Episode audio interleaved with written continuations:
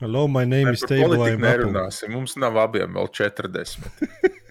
to varēs, kad būs OC pēc 40. Tad varēs par politiku nīdēt. Zini, ka pēdējais, mēs jau par to runājām, ka pēdējais normāls prezidents bija Vērvīts Table, un vispārējie ir vienkārši klauni kaut kā.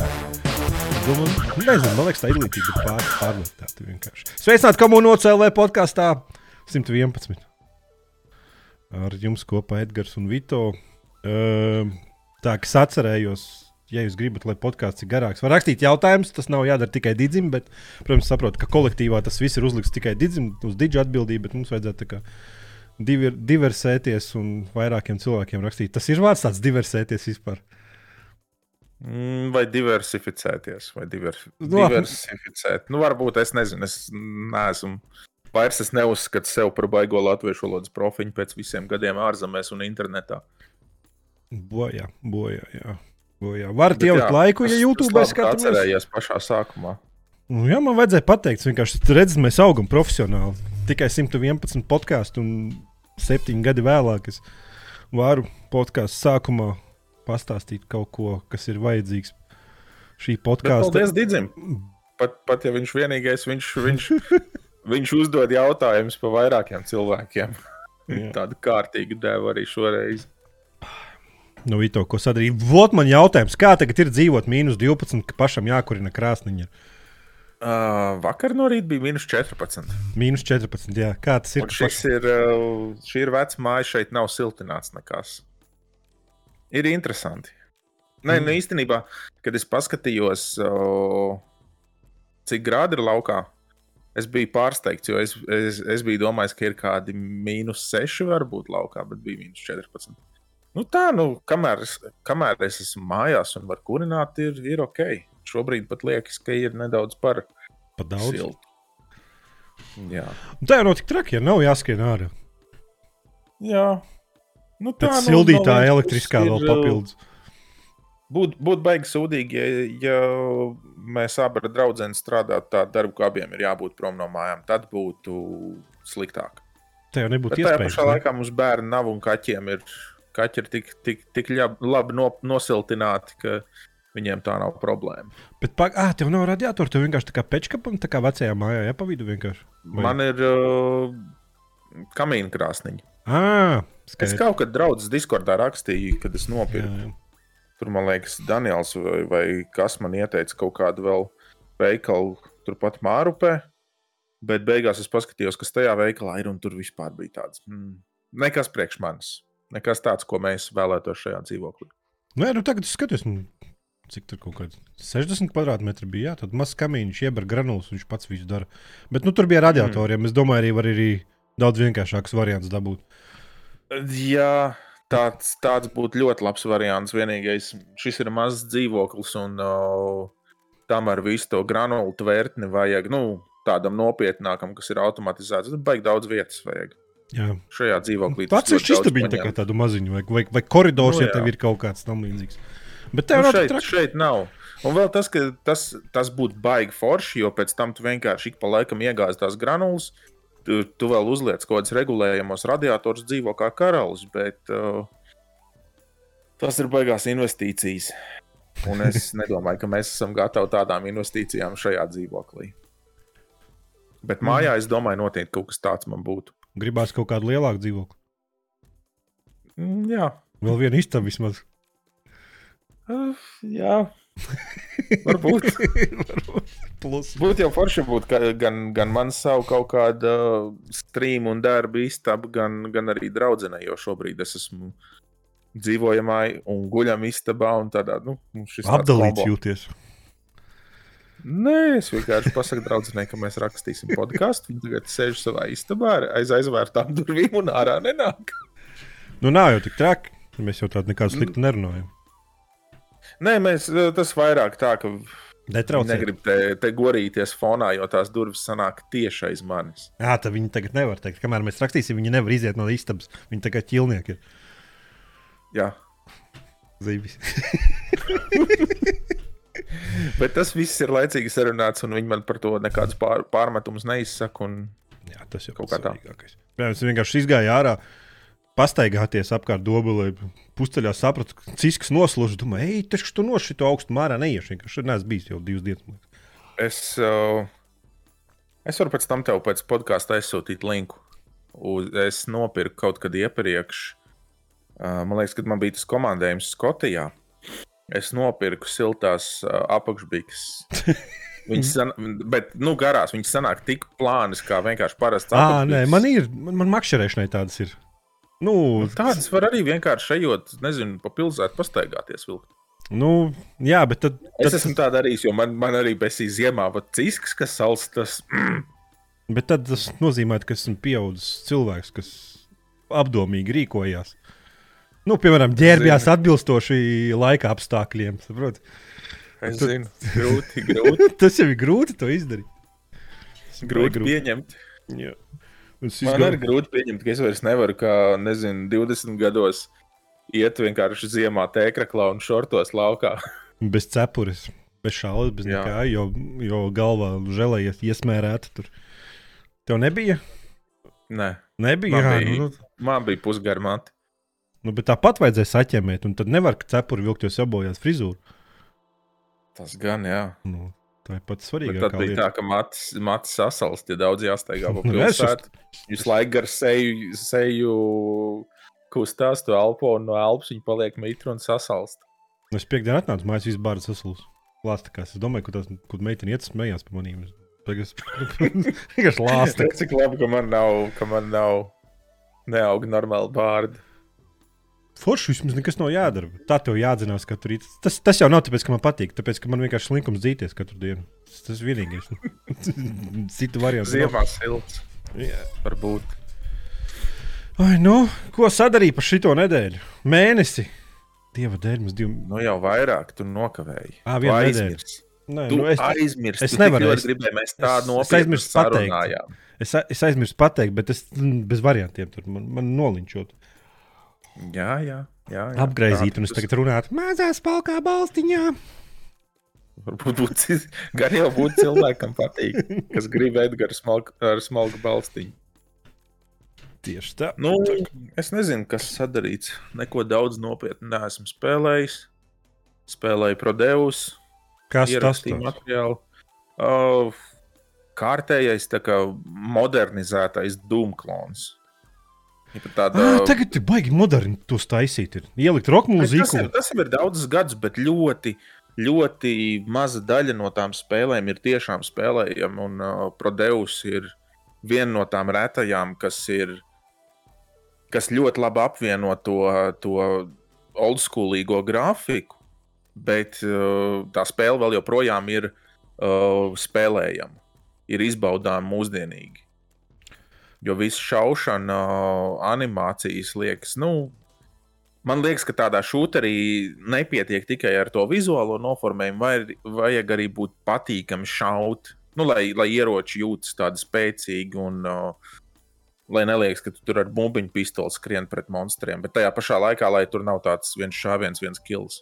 Protams, nebija tur, kur tā rītīgi vecā grafika, tā kā, nu, tā kā stilizētā. Ah, tu Nu, esi viņi ir stilizēti, tur vēl var uzlikt kaut kādus filtrus pa virsmu, uzlikt kaut kādu, nezinu, tur 160 pikseli izšķirt spēju, ka tev būtu.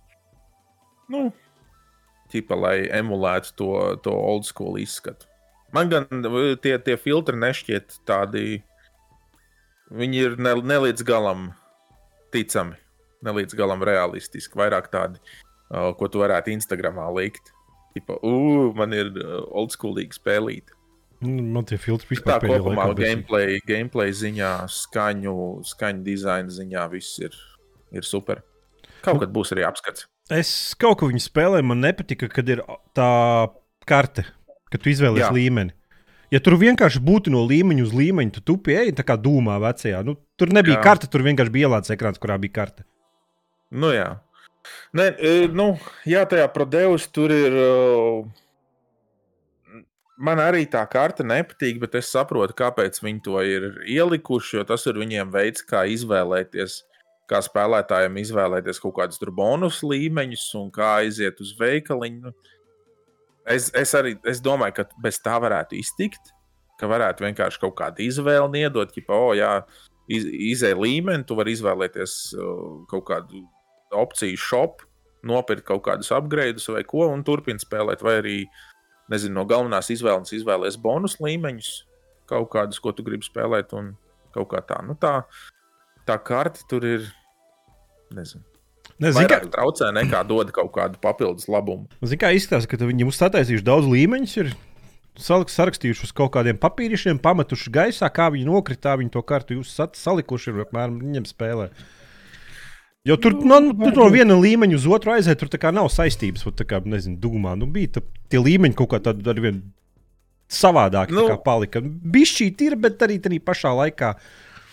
Nezinu. Jā, man. Uh, es domāju, ka tur ir. Uh, es vismaz ievēroju tādu. Nu, es jutos tā, ka es no viena līmeņa fiziski aizēju uz nākošo, bet es, es saprotu, ko, ko, kāpēc. Kāpēc tev varbūt liekas, ka nav tik ļoti kā domā? Domā, laikam bija daudz izteiktāk tas, ka bez mazliet tu aizver līmeņa pēdējās durvis un, un, un atver nākošās, un tu esi jau. Nu, Nu, varbūt tā nebija, bet vismaz tādas sajūtas bija. Var, nu, nu. Nu. Likās, ka tu kaut kā progresē.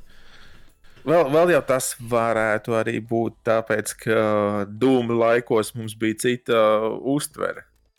Nu, man, man, man vismaz bija tāpēc, ka senāk jau daudz ko spēlēs, vajadzēja piefantazēt. Nu, Tāpēc nu, nu, jā, Arī, jā. piemēram, Dūma, Dūma tas galvenais varonis. Viņam nebija nekāds, uh, Dūmā nebija nekāds baisais stāsts tev iedots, vai, vai uh, baisais tur detalizētais personāža apraksts vai kaut kas tāds. Lai tu kā spēlētājs varētu pats vairāk tā iztēloties, kas viņš tāds ir, kāpēc viņš dara to, ko viņš dara. Un daudz, daudz tādas trūkstošās detaļas, ko spēle neparādīja. Vai nu tāpēc, ka nebija laiks, vai tāpēc, ka bija kaut kāda tehniska ierobežojuma, vajadzēja piefantazēt. Līdz ar to katram viena un tā pati spēle dažādiem spēlētājiem beigās varēja būt ar eh, bezmazliet pavisam atšķirīgu backstory. Bet es dūmu vispār nesaprotu. Pirmais oriģinālais dūms pusstundā izējams. Es nezinu, kā, kā tajā laikā kāds nopirka uz datora uh, spēli un pusstundu. Es, ne, es godīgi pateikšu, viņš nereāli ātri izējams. Ir. Tur, man liekas, seši vai septiņi līmeņi. Es nezinu, cik tur ir. Tur vispār nav ko spēlēt. Es viņu bibliotekā izgāju. Es, es, es atļaušos iegūt. Jā, oriģinālais dosa, tas, kur beigās ir uh, divi bosi, iznāk no diviem skapiem ārā. Vēlni kaut kādā ar pakaviem. Vai tad nebija uh, pēdējais boss, kā viņu sauc? Romero? Nē, tu, tur tu, tu izēji tu izēj ārā, tur ir divi bosi. Tu viņus tā kā diviem pakaviem iznāk viņa ložmetējiem. Un tad tu teleportējies uz tādu istabu, kur ir tik daudz pretinieku, ka viņus nevar nošaut un tu nomirsti. Tas ir oriģinālais dūms. Man liekas, ka tur kaut kāds seši līmeņi ir. Jā. Nu, nežēlīgi ātri tā spēle izējama. Hmm. Es, es godīgi neatceros no galvas, bet, bet es atceros, ka es nesen viņu vēl nesen spēlēju. Viņu. Tieši dūmu nesen domāju, aiziešu dūmu atkal, jo tur reāli 30 minūtes. Tur tur tur izskrien un viss nav. Nezinu. Int internetā ir uh, cita informācija, bet tas ir arī katrā vietā. Katrs raksta kaut kā savādāk. Uz ātrā sameklējot, izskatās kaut kādas 4-6 stundas, kaut kas tāds. Brāļs man strīmā būs jāaiziet. Tagad. Es atceros, ka tas vienkārši es bibliotekā izgāju un domāju, ah, viss. Un tad es nesen vēl mājās, kaut kādu gadu atpakaļ. Sēdēt, jā, viens tiešām tas bija viss. Nav, tas nav drīzāk tā shareware versija. Jo, jo pirmais dūms tika izplatīts, ja nemaldos, kā shareware, ka tu varēji vienkārši izspēlēt pirmo um, chapter. Nu, nezinu. varbūt, tad es nezinu. Un uh, tas bija salīdzinoši nu, īss. Nu, tur nežēlīgi. spēle, Es ļoti šaubos, ka ir tikai nezinu, tur pusstunda. Nu, nezinu, labi. Nestrīdēsimies par lietām, par kurām es nezinu, bet vismaz tā es viņu atceros. Tam pastrīdēties komentāros. Varbūt kāds zina. Bet es zinu, ka vien, vai nu pirmajā vai otrajā domā pēdējais boss bija kaut kāds liels tur ķēmis, kur iekšā, ja tu ķipa, ieslēdz noklipu un ielien tajā bossā, tur iekšā bija ielikta Džona Romero fotografija. Un tur, man Nu. liekas, arī tas pēdējais bossiņš, uh, kā tur bija, viņš tur teica, I am John Romero, you have to, you have to kill me to beat the game. Vai kaut, kaut ko tur tas Džons Romero ķipa teica. Tikai Un otrādi. jā. skaņa inženieris to pagriez nu, pretējā virzienā. Jo kaut kāds tas vizuālais dizainers bija ielicis to Džona Romero bildi, ja pa viņam nezinot, viņš to uzzināja, un tad ielika to skaņu, to, to savu balss ierakstu. Kaut kā tā bija. Bet vai tas bija pirmais vai otrais dūms, to gan es neatceros.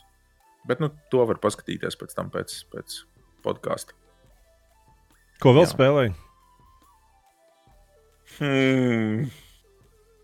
Man liekas, ka tie, tie kas ir bijis, bijuši draugi Discordā, pareizi. Ai, tur jau man tā kaunināja, vai vismaz centās kaunināt, bet uh, man laikam ir tas vecums, ka man vienalga. Es ziņkārības pēc esmu izmēģinājis. Tiem, kas nezina, runa ir par uh, vizuālo noveli.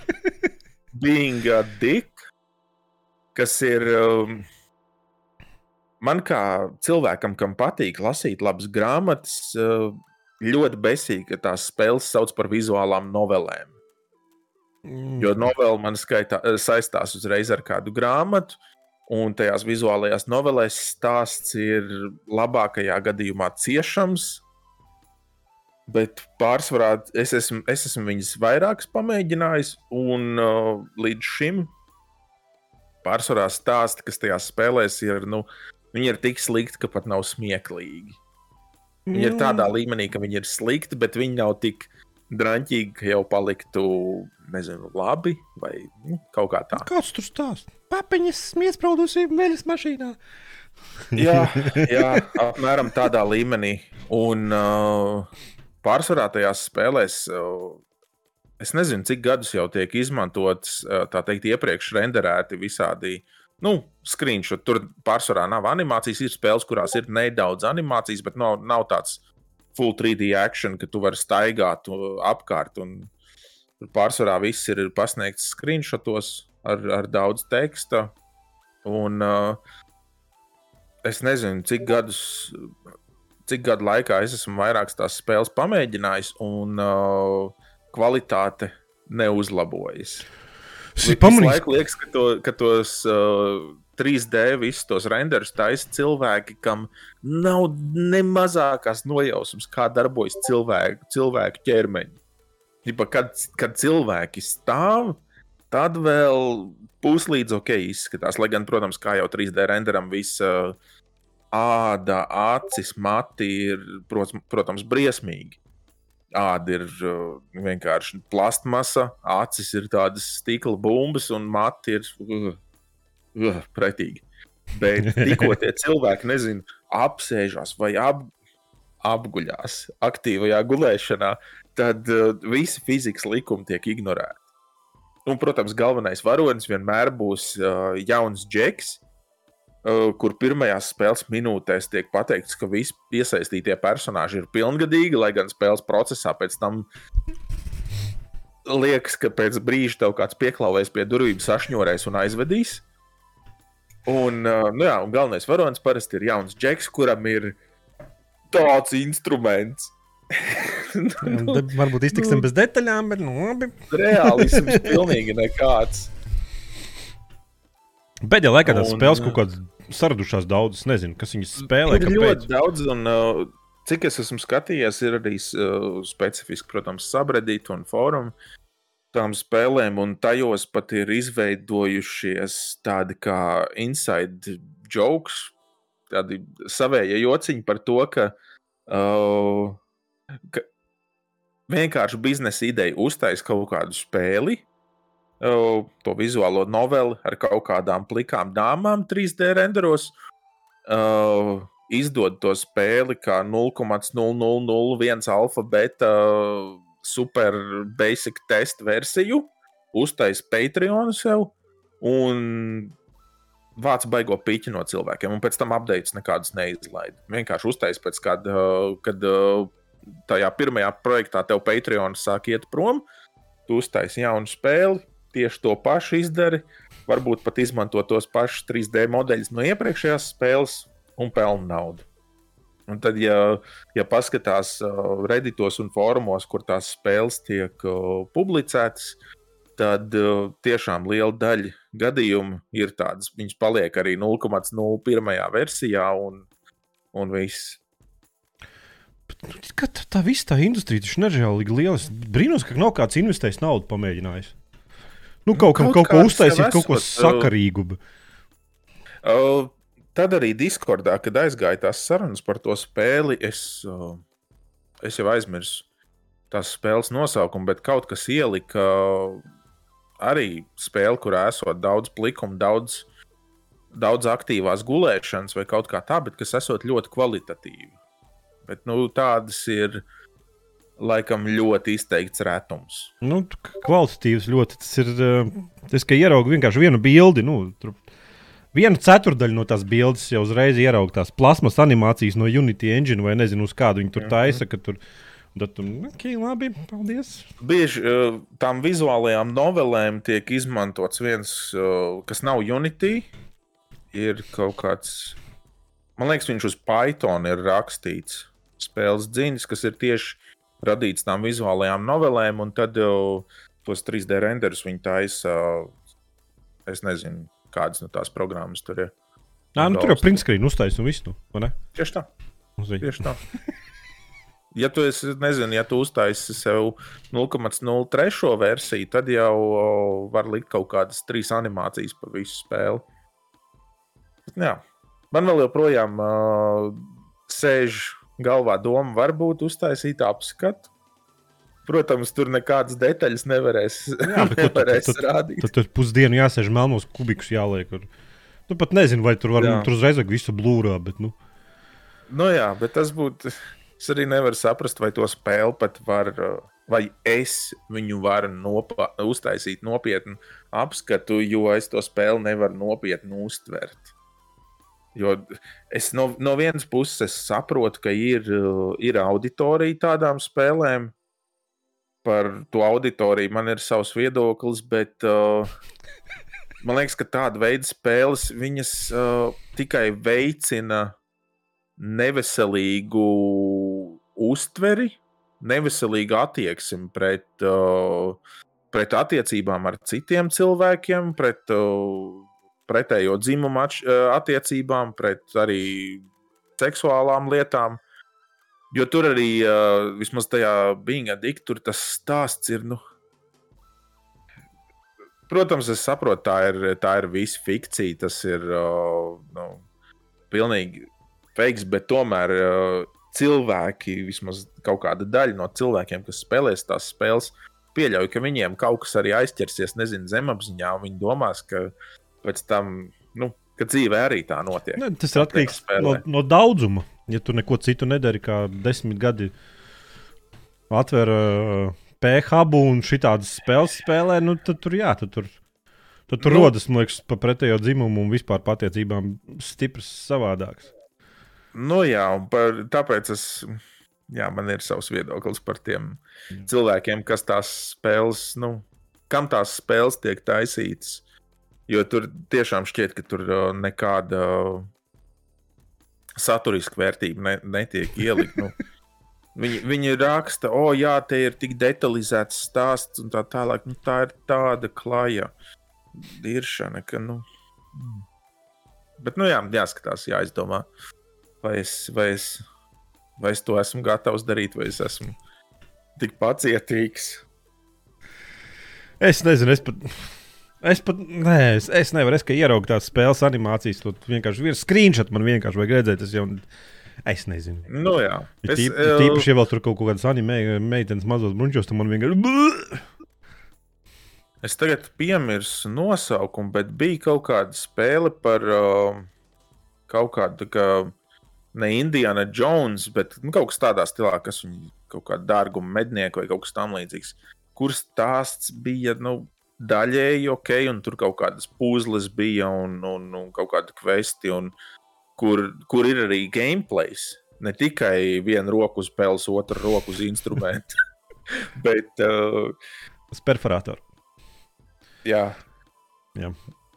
Bet. Uh, jā.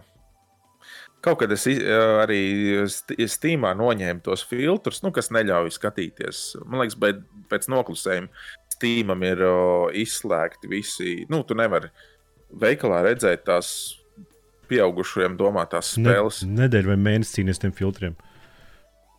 Nu, es uh, paskatījos kaut kad, kas ir fresh and trending releases. Un, kā tu teici, jā, pēc tiem screenshotiem ir. Jā. Cil cilvēki nav tāda sajūta, ka viņi nav redzējuši pretējo dzimumu bez drēbēm dzīvē nekad. Nē, bet zini, kas vairāk tracina, internetā piemēram. Witcher, Witchers jau arī tur ir immature saturs. Nu, ķipa, tur, tur visu var ieraudzīt. Tur vienkārši personāžs pastaigājas ar šo pīrādziņu. Ar, Ar roku, kur iecirst, arī jau ir. Nu, tur nu, vienkārši staigā tādu. Bet nu, tas jau nav tāds saturs, zini, kā. Un tad, ja tu nezini, tur saspaidīs tur tos filtrus stīmā, tu jau var, nezinu, vairs neredz tās spēles vairāk. Pēc tam tev jāspiež kaut kāds tur filtru izslēgt un vispārējo. Nu, Witcherā jau. Witcherā un tādās spēlēs tur jau tas fokus nav tik ļoti. Nu, jā, bet tāpat tās Tur- tur, tur tur- flāks, tas immature vai kas tur bija. Skat, es tieši salīdzināju, piemēram, Witcher, ko es tagad spēlēju pirmo. Un, Mm. Tam spēlēm. Tā pirmajā Witcherā ir tāda, tāda plikuma. Tā, man liekas, visos ir. Es nezinu, Nē, nu, e- es esmu nopietni, es esmu spēlējis tikai trešo, jo pirmais un otrais manā skatījumā nav spēlējams mūsdienās. ko tu saproti? Tev, tev, redz, tu esi pacietīgāks, tu esi Ar vienu roku uz instrumenta, ar otru spēles un viss. Tu, tu esi spējīgāks sev mocīt. Es esmu vairākas reizes mēģinājis spēlēt pirmo un otro Witcheru, tāpēc, ka trešais man ļoti patika, un es vēlējos tā teikt, izmēģināt to, tās iepriekšējās spēles, saprast, kas bija pirms tam, no, no kurienes nākus trešā daļa, nu, kāds, kāda bija tā spēles vēsture. Bet es viņus nespēju spēlēt. Es, tur eh, tās, tās cīņu mehānikas un kustības. Un kopumā tā spēle ir uh, vairāk traucējoša, man vairāk kaitinoša nekā, nekā es spēju izturēt, lai Nu, nē, Es- es nu, nezinu, tā kā to- nav. kā to nu, izskaidrot. nu, kā tu vari spēlēt? Pirmkārt, kā tu vari spēlēt trešo spēli, tu neesi izgājis pirmo un otro spēli. Bet kā, kā tas ir iespējams? Es jau, piemēram, to nevarētu atļauties fiziski. Nu. Tas man būtu ķipa, sāpes fiziski, kas man izraisītu, ja sāktu spēlēt trešo vičeru, nespēlēt pirmo un otro. divi dažādi cilvēki. Es, jā, uh, un, uh, jā, un tas cīņas mehānikas nav nemaz tik sliktas. Viņas Tu ir pilnīgā tūplī. Viņas- Pirms, pirms pirmās nekad. Nē, man liekas, pirmo es spēlēju uz vecu kompju. Mm. Tāpēc, ka es atceros, Es to pirmo es viņu neizgāju. Es atceros, bet tur varēja mašīnu pabraukt. Īsāk sakot, Vičerim pirmajam, uh, ko es vakar pabeidzu, beidzot izgāju visu spēli. Uh, cīņas mehānikas ir nežēlīgas, sliktas, vienkārši debīlas, uh, pilnīgi nespēlējamas. Un, uh, Pat līdz spēles beigām aizejot, es joprojām vēl turpināju. Es nesapratu, kas jādara, jo brīžiem viņš sit, brīžiem nesit. Brīžiem burvestības strādā, brīžiem burvestības nestrādā. šis Vispār nespēlējams. Vienkārši aizmirstiet. Visas spēles garumā tu vienkārši daudz pieredzi pret sienu, cik sliktas ir uh, cīņas mehānikas. Tam nav vienkārši apraksta. Nu, kā jau teicu, divi dažādi cilvēki. Nu, man man tā, tas būtu iemesls, kāpēc spēli vispār nespēlēt. Ja manī, tā teikt, ja tie mīnusi ir vairāk par plusiem, ja man ir jāpārvar kaut kāds pārāk liels šķērslis, lai es tiktu līdz vietai, kur nezinu, es sāku izbaudīt to spēli, vai uh, es uh, saprotu, kā pirmās spēles stāsts saistās ar nākošajām spēlēm. Ja man lai tiktu līdz tai vietai, ir jācīnās ar kaut kādu sūdīgu cīņas mehāniku vai kaut ko tādu, nu, man tas nešķiet tā vērts. Nē, nu, tas ir no sākuma. Nu, kā es teicu, tu esi, tu esi pacietīgāks, tu esi spējīgs izturēt vairāk. nu, tu, Es, tu, es tu izvēlies. padotos. Tur ir sitiens, smagais sitiens, ātrais sitiens un sitiens pa visiem, kas tev apkārt ir. Un, un tu izvēlies, tad tu izvēlies vai nu metāla zobenu vai sudraba zobenu. Un tā kā tu to visu tādu izvēlējies, kombināciju tu salicis esi, un tad tu spaidi peli. Vienkārši tupi spaidi uzklikšķinu uz pretinieka, viņš pats pieskrien, varbūt sit, varbūt neiesit, tas ir 50-50. Un ik pa brīdim iedegās uz ekrāna, kursoru vietā iedegās tā kā zobentiņš, kas ir liesmām. Tad tev vēlreiz vajag piespiest, piespiest peli. Un viss atgādina sliktu MMO spēli, kur re, reāli tur nezinu. Div- 200 miljonu attālumu zvaigžņu, attālumā nu, pat spiedumu nereaģē tā pele. Nu, vienkārši viss tas tirinās, raustās, tu vispār nesaproti, kas notiek. Mm -hmm. Ak, Dievs! Un, un te iedomājieties, ka tā ir ļoti gara RPG spēle, kurai nav kontrolieru atbalsta, kuru tu nevari tā ērti iesaisties. Tev jāsēž visu laiku pels, un tev vienkārši tā kā MMO. Visi taustiņi ir aizņemti. Tur QEW, ASD, XC, 1, 2, 3, 4. Vienkārši single player spēlē. Viss tas tev jāspaida ir visu laiku regulāri. Plus tev tur kaut kādas eļļas, tur jāsina zobeni un viss tas jā, karš, nu, tāda čērņa vienkārši. Nu, tie pretinieki sprūst, vičeri sprūst, tīrinās tur. Karoči, nu. Bet, bet spēles pasauli un stāsts vienkārši, nu, vienkārši, nu, ķipa, bez vispār, bez. Es tagad saprotu, jā, kāpēc cilvēki mocījās, varbūt spēlēt tās spēles. Tur kaut kādi skairimi, falauti vienkārši. Puh, sūds kaut kāds. Tas vienkārši nob... Tāpēc, ka tie jau no paša sākuma, jau visi personāļi, tev jau no pašām pirmajām minūtēm jau pasaka, kā tie vičeri radās, kas tur notiek, un ka viņi tur pusē nosprāgst, nemaz netiek līdz tiem vičeriem līdzaugt. Un, un, nu, jā, nu, balss ieraksti tā gada ir vienkārši. Nu, tur, Es nezinu, mūsdienās man liekas, tikpat labs nav. Es nezinu, kur, kura gada tā spēle ir, bet viņa laikam 2007. nav. Vai kas nemuldēšu, nezinu. Nezinu no galvas. Nu, jā, un, nu, Nu, vienīgais, tas, kas tev jāiet caur to pasauli, ir jātirinās visas cīņas mehānikas. Tur 60 FPS pilsētā uz mana datora, kurš ir nu, laikam, 15 gadi jaunāks par to spēli un jaudīgāks. Nedaudz krāši pa brīdim, bet. Nu. Nu, redz, tie, tie visi ir iemesli, kas mani ļoti viegli var atturēt no jebkādas spēles spēlēšanas. It sevišķi Vičera gadījumā es esmu lasījis grāmatas, es visas neesmu izlasījis, bet varbūt arī tādēļ man šķiet, ka es pietiekoši daudz jau zinu par to personāžu, tā teikt, to backstory, ka man nav tik liela tā motivācija iet cauri tām ciešanām, lai, lai uzzinātu kaut ko vairāk par to spēles stāstu. Ne, jo, protams, tajā pat laikā es pēc tam trešo Vičeru spēlējot, Nu, labi, kad es sāku trešo vičuru spēlēt, es arī grāmatas nebiju īsti lasījis. Tad bija, protams, tur daudzos brīžos tāda sajūta, kas kaut kāds jauns personāžs, un es domāju, what, kas, kas tas ir, vai viņš ir draugs. Viņa ķipā ar galveno varoni, kas teorētiski trešajā vičurā nav nemaz stāsta galvenais varonis. Viņi sarunājas, un es nesaprotu, cik ilgi viņi ir pazīstami, vai viņi iepriekš bija draugi, vai, vai viņi aplūkoja viens otru instrumentu, vai nē. Nu, Visdrīzāk, ka aplūkoju. Tur bez variantiem. Viņš arī Zinot, visi viens otru, jā, visus aplūkoja. Tur visi pliki lielās bļodās. Tas, ka tā bija tāda spēļu sērija, kuras ļoti visu laiku atliku, jo es nesapratu to. Es, es arī pamēģināju otro vičeru, es vispār neko nesapratu no tās cīņas mehānikas, un tad es sapratu, ka ir ārā beidzot augstums. Tā ir laikam, labākais laiks, kad uzspēlēt milzīgu RPG spēli, jo, jo nu, īsti tur ārā nav ko darīt. Jā, maz nevar kustināt. Nevar kustināt, jā, ir tāds laiks, kad pienācis, ka var, uz, ka var, ka var uzspēlēt. Bet, nu, man ļoti patīk. Tas stāsts ir kā kaut kādā mūsdienu seriālā, tur štrītē. Nu, kas tie ir? Game of Thrones un viss tie. Ah, Vičeriem jau ir seriāls, ir tikai otro sezonu, esmu noskatījies.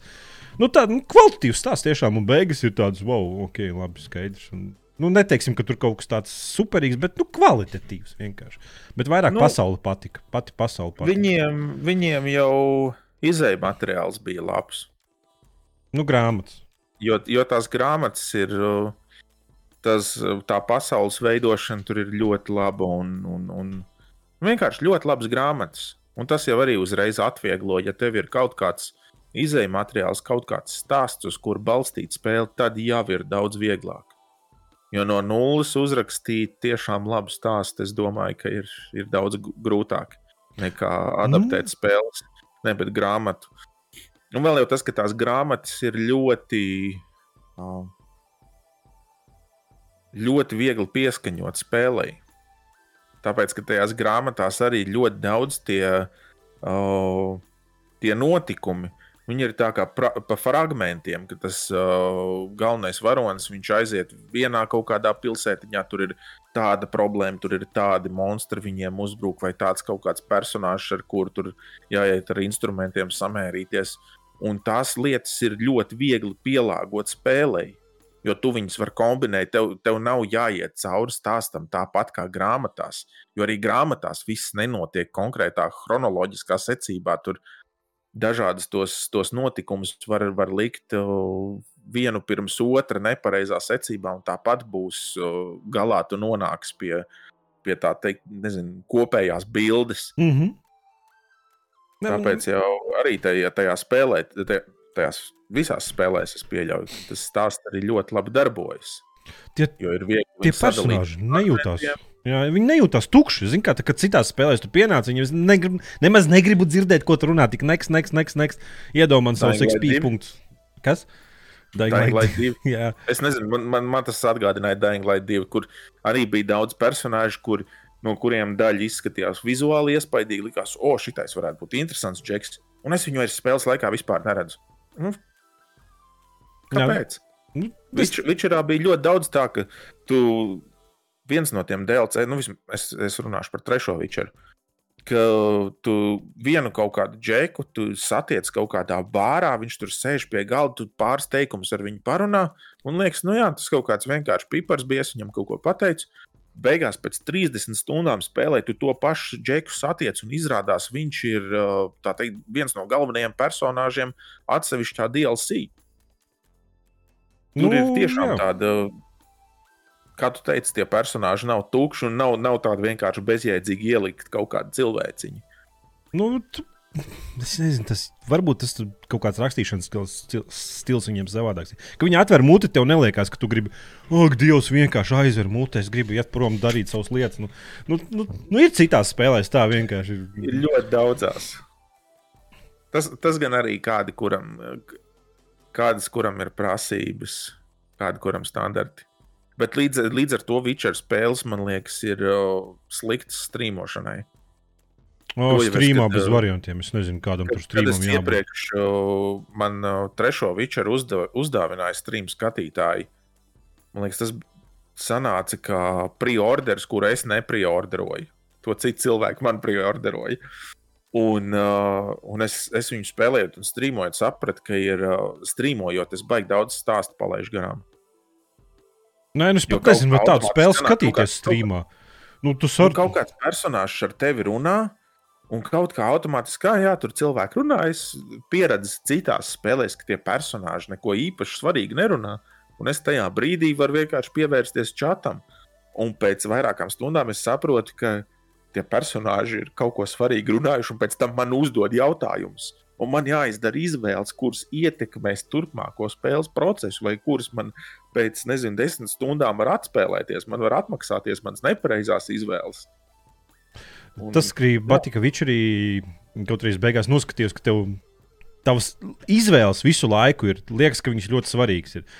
Bet nu, es noskatījos pēc tam video, ķipa, kas tieši izgāja spēlē, es noskatījos video, tipo Witcher Stories, Explained, ķipa, lai es varbūt kaut ko palaidu garām. Ne, un tad sapratu, ka nu, īstās izvēles nav diezgan labas. Bet spēlējot, tev liekas, ka prastākā izvēle visu tur spēli nomainīs. Kaut arī īstenībā tā nenāks, bet nu, to panākt, kas, kas spēlētājs ir kā, iedzi, iedziļinājies tajā stāstā. Viņam liekas, ka tu sēdi vienkārši, ej, tur nos divas izvēles un saproti, ka vien, abas divas ir sliktas un tur bez variantiem. Kura tev tuvāk jāizvēlās? To panākt mm. mūsdienu spēlēs baigi reti, kas sanāk. Nu, tā tiešām labi. Un tad spēlē Tāpēc, kaut kādu vērtību. Tur, tur jau ir. Tas ir šausmīgi sarežģīti. Jo, ja tev ir, ja, it sevišķi, ja tu gribi uztaisīt izvēles, kas nevis uzreiz dod tev rezultātu, bet vēlāk, tālāk spēlē, kur pa vidu tu vēl esi ar citiem personāžiem kaut ko darījis, un ja vēl tie personāži ir kaut kādā veidā saistīta ar to pirmo personāžu, kuram tu varēji izvēlēties, tur teikt, ka viņam smags ģīms vai mazs instruments, tad uh, tas jau ir ļoti sarežģīti, jo tad tev uzreiz ir jādomā līdzi, paga, varbūt šis personāžs kaut kādā brīdī nomirst. Ko tad mēs darām ar tām izvēlēm pašā sākumā? Un es, es pat nevaru iedomāties, cik šausmīgs darbs tas ir. Nu, jā, tīpaši, tev rakstnieki ir no Netflix, LGBTQ community, visi šie te, kas man tikai šī ir laba izvēle, šī ir slikta izvēle. Nekāda turpinājuma tam nebūs. Tagad mēs ieliksim uh, vienu geju komunas uh, personāžu tikai tāpēc, ka es tā jūtos, bet, bet sižetā tas nekādīgi neko nemainīs. Neskaties Resident Evil. Uh, seriālu jauno. Nē. Nu, Ne. tur, ir ļoti Nē. daudz, tur ir ļoti daudz šīs wow, kultūras sabāztas, kas liekas, ka kaut kādā veidā sižetā attīstīsies.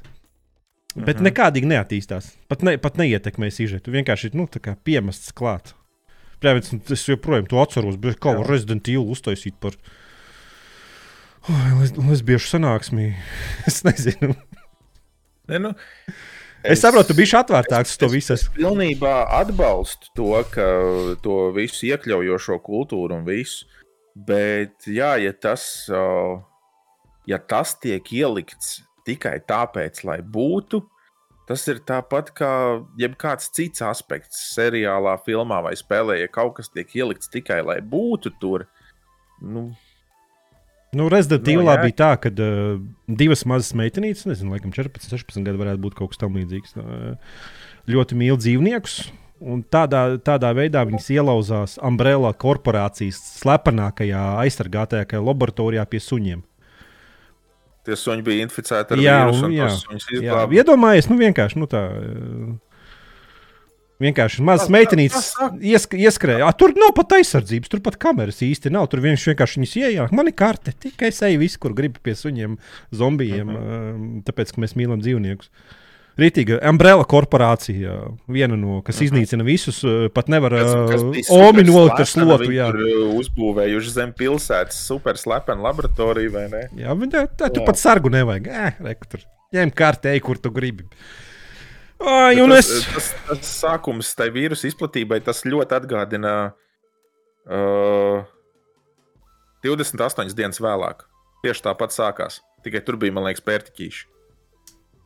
Kur arī cilvēki iegāja laboratorijā, kur tika eksperimentēts ar pērtiķīšiem. Viņiem bija kaut kāds tas uh, dusmu vīrus vai kaut kas tamlīdzīgs. Un, man liekas, tas bija 28 dienas vēlāk. Nu, ļoti. Nu, nē, bet man tieši tas fakts patīk, ka Umbrella korporācija, kuru tur ražo supermutantus un bagātākā pasaulē, nevar vienu sargu nolikt. Vismaz pensionāri, kas pie durvīm pastāv, vai nezinu, lukturīt, pastaigā pa slepenu laboratoriju, kurā ir Nu, no, jā. nāvējoši vīrusi. Nē, nē, nē. Bet eh, toties Jā. mums ir uh, visādi citi L LGBT community pārstāvji, ir ļoti plaši par to pacentušies. Pievienot, nu tas to uzvelk vienkārši. Kad- Nu, man tas vairāk atgādina to, ka to pašu uh, Witcher seriālu. Ā, Man nu, vēl joprojām palicis atmiņā tas, ka personāži, kas grāmatās, kas visur ir aprakstīti, vienā veidā ir pavisam citādi tajā seriālā, un uh, viņi tur ir vienkārši tāpēc, lai būtu, tāpēc, lai būtu iekļauti. Es saprotu, ka afroamerikāņi ir Amerikā. Tur nu, attieksme ir vienkārši pretīga. Es kamēr biju tur arī komandējumā, es sapratu, ka tiešām nu, tā, tā ir reāla problēma. Tur ir tādi cilvēki, kas, kas dzīvo arī ar tādu uzskatu, ka cilvēki ar tumšāku kādas krāsu ir vienkārši zemāki. Viņi ir ar, ar zemāku intelektu un tā tālāk. Un, Zin, kā viens ir skatīties to internetā, bet tad saprast, ka dzīvē tiešām tā ir. Un, un tādēļ Vičerā ieliek uh, aktierus ar tumšāku kādas krāsu, ieliek aktierus lomās, kur grāmatās, kur izējai materiālā, kur oriģinālajā materiālā ir bezmazliet vārds vārdā uzrakstīts, ka šim cilvēkam bija bezmazliet, tur nezinu, pērļu balta āda vai kaut kas tāds. Nu! Kā, es pilnībā atbalstu, ka, ka vai, eh, vajag iekļaut dažādus cilvēkus, dažādas, eh, nezinu, dažādas intereses, dažādas seksuālās orientācijas, vienalga. Bet, lai tās tiešām iekļaujās stāstā, lai tās tiešām nu, iet kopā ar visu pārējo. Nu, Ziniet, kā visi tie voku artisti, viņiem arī. Viņi nevar iet un rakstīt savus stāstus. Ejiet, rakstiet savus stāstus un taisiet no jauna personāža. Visi tur ir. Visi le, lesbiešu sajiets tur, koroči. Visi, visi sajiets ir. Nu, nu, bet, nu, taisiet. Nu, Ziniet, rakstiet tas. Kāpēc jūs paņemat stāstu, kas jau ir uzrakstīts nu, vēsturē, un tur mēģināt viņu samainīt? Jo jums jau šiem visiem. eh, Nav jau intelekta pašiem uzrakstīt labu stāstu. Viņi vienkārši paņem sačakarē. Jūs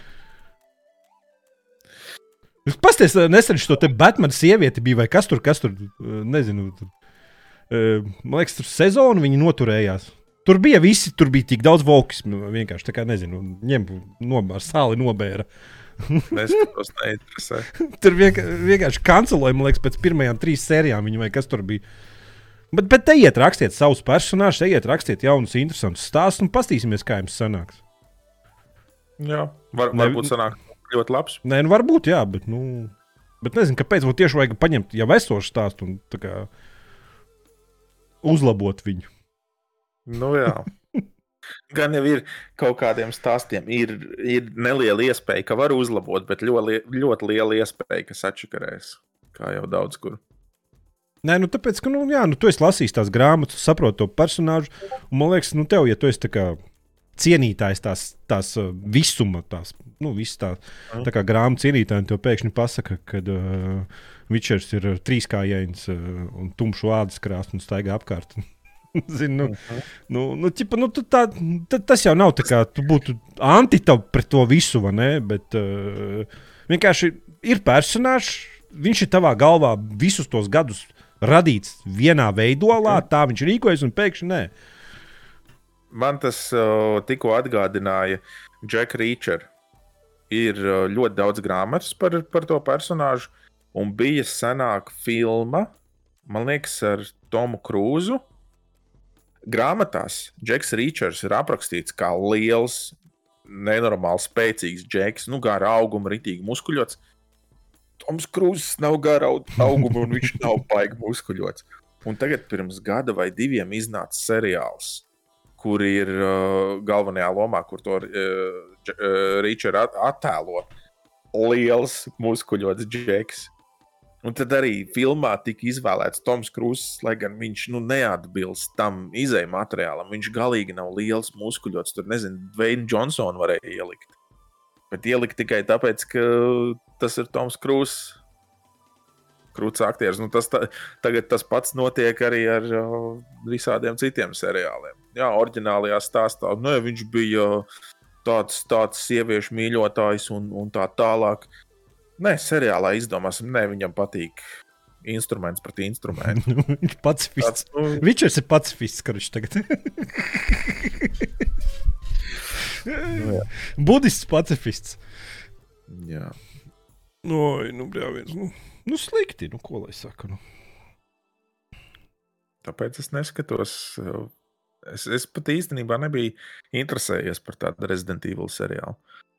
Nu, kā es jau Resident Evil fans biju vienkārši. Nu, es noskatījos to seriālu. Nu, nu sarakstījuši 16 gadīgi bērni.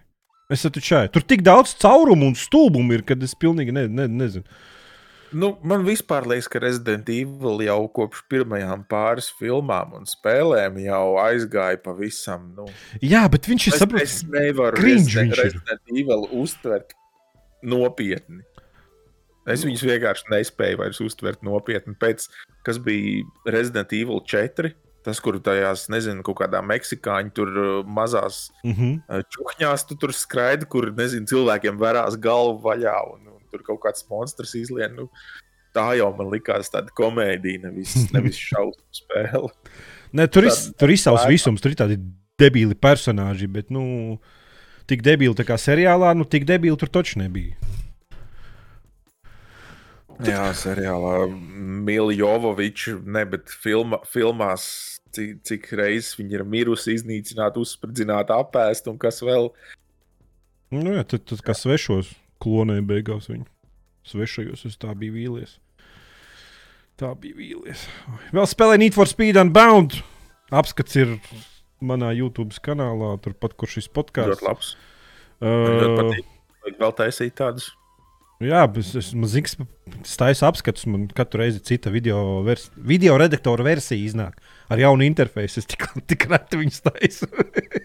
Kad premjeram nē, bet kas man tur rezolvs iznāk vienkārši jauna versija. Es neko nesaprotu, vairs nestrādā kā vajag. Un tad es sēžu pusstundu mācos vispār, kā viņu lietot.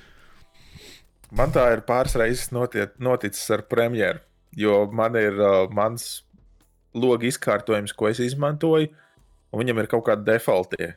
Un ir kaut kādas reizes bijis tā, ka es no, nospiežu nepareizo pogu kombināciju, un viņš uzliek kaut kādu citu logu izkārtojumu. Un es vairs nezinu, kā uzlikt to, kas man ir. Tas pats labākais. Oh, šausmas. Bet jā, apskats. Man, man ļoti patīk, cik es skatījos. Arī o, skatītājiem patika. Cilvēkiem pietrūks tava apskats, pilnīgi asariņu nobīde. pietrūkst O. video no tevis, pietrūkst dziļa kritika. Nezinu, tā spēle man tā baigi iepatikās. Nezinu, kāpēc. Es neteiksim, ka es viņu taisīt skriešu. dziļo kritiku, beigas dīk. Mm, Tam man tā spēle būs jāspēlē. Uh -huh. Nē,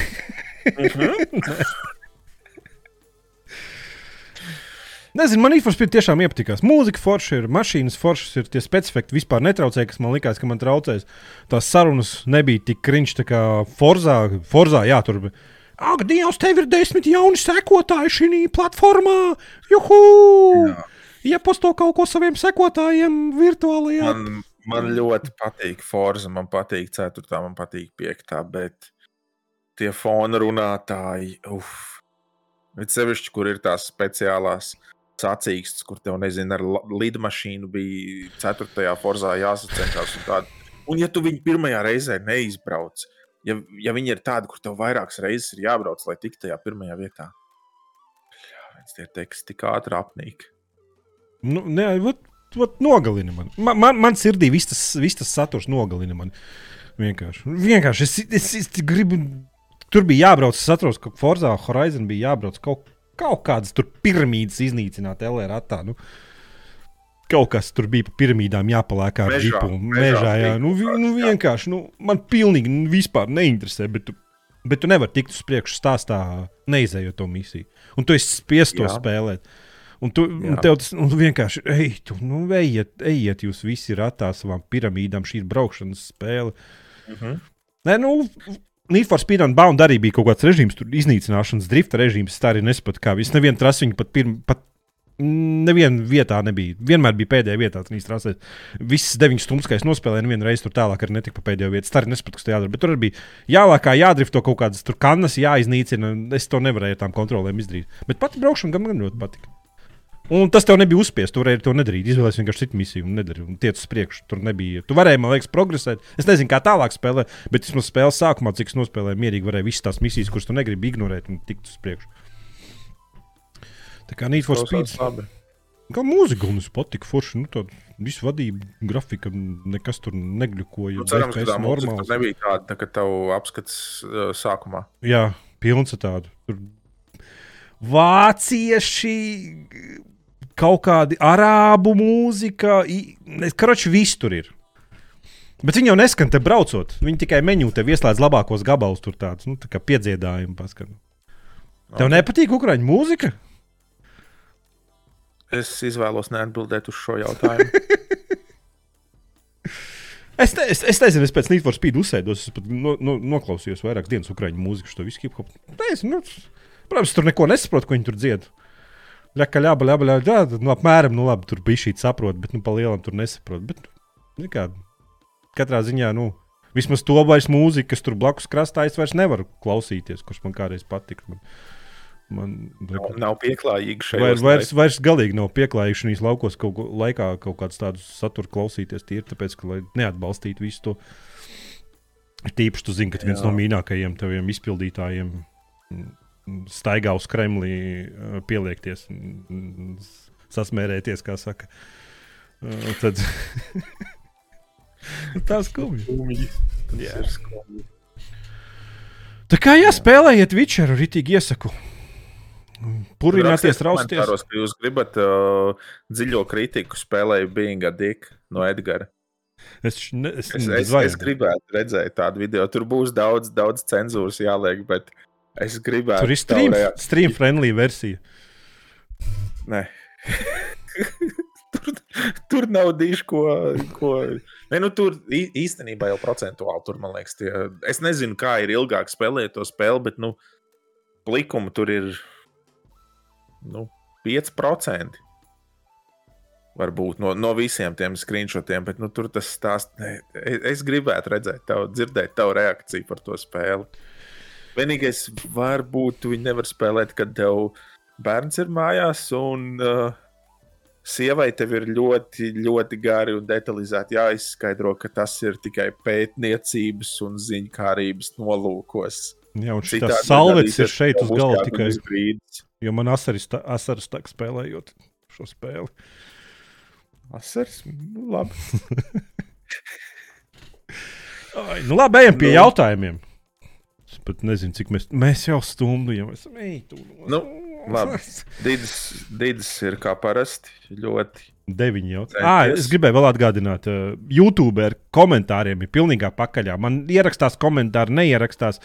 Es filtru varu nomainīt. Man no trīs komentāriem pēkšņi uz deviņiem parādās. Piemēram, Digis ierakstīja šo komentāru, man pat neatnāca paziņojums. Uh, Citi komentāri, Jā. es, man ir paziņojumā, viņš ir. Es viņu izlasu, bet tad es aizēju uz video, un viņa tur vairs nav.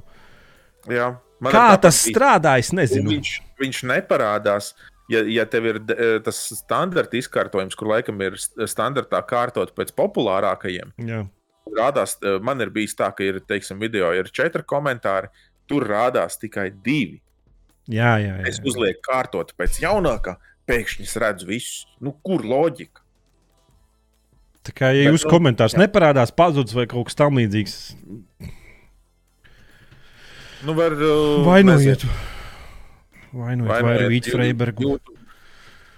Vai arī, ja jūs rakstat kādus jautājumus priekš, priekš nākošā podkāsta, tad, nezinu, varbūt jā, jāizsūta ziņa Edgaram vai kaut kā tā. Nu, es, jau- es jau Nē, var jau paskatos. otrs mājaslapā, tur ir normāli komentāri. Jā, Tur strādā. Es neesmu pārliecināts īstenībā. Būsim atklāti, es neesmu pārliecināts, vai tur komentāri ir normāli. Ja, ja botu var nokomentēt, tad arī normāli cilvēki nokomentēt. Bet, uh, var, var, jā, labāk jau tos komentārus vai nu mājaslapā, vai pie YouTube video, Discordā jautājumus neuzdot. Tur var aiziet viss nebūtībā. Pēkšņi var kāds izdomā čatot ne tajā sadaļā. tieši tā. Par Volkswagen buksēm, kurš labāks un cietāks. Nu, labi, pirmais jautājums. Devai. Ir šāda situācija. Amsterdamā kādas viesnīcas īpašnieks sūdzēs tiesā, tiesā Blizzard par to, ka Call of Duty spēlē ir izmantota lokācija, kurā ir šī viesnīca. Pamatojums viesnīca neatbalsta vardarbību, kas šajā spēlē attēlot. Jautājums, vai jūs arī sūdzētu tiesā spēļu veidotājus, ja spēlē tiktu nokopēts jūsu īpašums un jums nepatiktu spēlē attēlotie notikumi? Tur ir pilnīgs kopija pēc, kas Jā. es kaut ko skatījos. Neskatījies, ne- es redzēju. Nu, vienkārši viens pret viens. ir. Skatījies konkrēti, Nokopēt. es tikai esmu lasījis par to problēmu. Nu, Uh, un vēl jau kas var būt, kad uh, tie, tie kam, kam pieder tā viesnīca, viņiem ir pojāta, bet atradās kaut kāda firma, jo ļoti daudz firmas ir, kas nodarbojās ar sūdzēšanu tiesā, kas aizgāja pie viņiem. Euveči, mēs iesūdzam tiesā, 30% mums. 70 Jā. jums, jums nekas nav jāmaksā, tikai parakstiet, ka jūs viņus iesūdzat tiesā. Jums, jūs pat varat uz tiesu nenākt, mēs paši visu darīsim. Uh, Nu ļoti jā. daudz tādas kompānijas, tu arī nevar zināt. Ir tāda, kas pelnās, ka es esmu lasījis, ka Amerikā ir kompānijas, kas pērk tā teikt, tiesības sūdzēt kādu tiesā. Uh -huh. Pērk kaut kādus, tā teikt, jau gandrīz vai iesāktus tiesas procesus, kaut kā tam līdzīgu, un tad uh, pelna naudu ar to. Ir jau Nu, vesels es, kompānijas, ā, kas pērk patentus un sūdz visus pēc tam. Vienkārši kompānija, kas neko neražo, neko nedara, viņai vienkārši pieder patentu un viņi vienkārši sūdz visus tiesā. Tas ir viss viņas biznesa modelis. Tāds. Nu, jā. Nē, nu, par šo jautājumu, nu,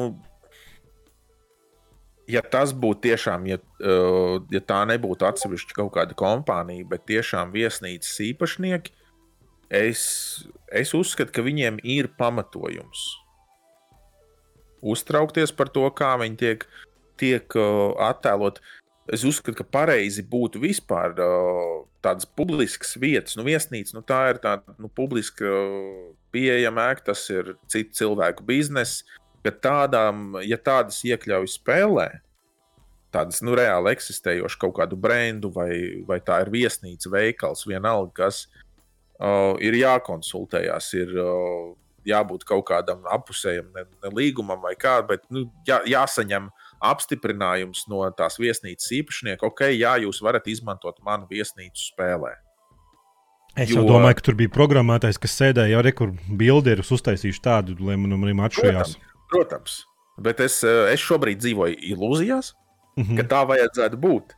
Jo, jo, protams, ja spēlē tur notiek kaut kāda nezinu. Es, es nezinu, kāda tur konkrēti vardarbība, vai vienalga kaut kas negatīvs tur notiek. Uh, protams, ka ir iespēja, ka tas negatīvi var ietekmēt tās viesnīcas pēc tam tēlu. Jo varbūt ir citi cilvēki, kas arī dzīvo tāpat kā es, kaut kādā iedomā pasaulē, un viņi ierauga spēlē kaut kādu reālu pasaules lokāciju, kaut kādu vai to pašu viesnīcu, vai veikalu, vai ko. Un viņi domā, ka ok, šitais veikals, tas ir īsts bizness. Tas nav kaut kāds kā GTA izdomāts fake mašīnas, fake veikals un viss pārējais. Tas ir reāls brands. Viņi noteikti to ir saskaņojuši. Tam veikalam noteikti ir pieņemams tas, kas spēlē notiek. Un pēkšņi spēlē tur, nezinu, nogalina desmit suņus un uh, uzspridzina 50 LGBTQ komunas pārstāvjus. Un uh, kāds cilvēks var uzskatīt, ka šitais, nu, tai viesnīcai, tam veikalam, tas viss ir ok. Viņi, viņi ir šajā spēlē, viņi noteikti ir pateikuši, jā, jā, viss ir labi, mums patīk. Nu, Nu, jā, tur jau var būt kaut kādi pacifisti. Nezinu, pēkšņi, oh, jūs atbalstat, mēs tur neatbalstām, neēdīsim pie jums. Tur. Nu, vienalga, nu, tur kaut kādas, kaut kādas, tagad jau pilns ir, es nezinu. Es, es, es pieļauju, ja man būtu tāda viesnīca, un ja tiešām spēlē būtu uz, attēlot tā viesnīca kaut kādā nepatīkamā gaisotnē, nu, es uzskatu, ka man būtu tiesības un man būtu pamatojums par to tiesāties, jo, jo ta, ta, tie spēļu veidotāji ir negatīvi ietekmējuši manu biznesu. Pie tam vēl Activision tik daudz naudas ir. Nu, tas ar plusu ir. Bobijs no māka izmetīšu. es domāju, nu, nu tas, ka ats, ja atsevišķa kompānija to dara un aiziet vienkārši, jā, uzlieciet savu parakstu, un mēs jūsu vietā tiesāsimies, nu, tas, nu, tas tā. Es domāju, ka visdrīzākais tā arī ir. Bet, protams, ja tā ir tiešām paša viesnīcas īpašnieki, viņi neatbalsta vardarbību un tā tālāk, nu, tad es saprotu, viņ, viņiem ir pamats. Nu, katrā ziņā viņiem ir pamats, viņi dara, ko grib mūsdienās. Tev pamatojums. Arī bez pamatojuma mūsdienās var darīt, ko grib. Līdz brīdim, kad tev izdomā kāds tiesāts. Jā, kāds tiesā. Nu, labi. Kā zināms, mums kādu laiku ir VR gaming. Stokholmas Universitātes pētnieki ir radījuši prototipu vi, uh, virtuālās realitātes papildinājumam, olfaktometru. Tā doma ir tāda, ka konkrētos brīžos atvērsies vārsts un spēlētājs sajutīs smaržas, ko dod spēle. Viens no piemēriem, kur to pielietot, ir vīna degustācijas spēle.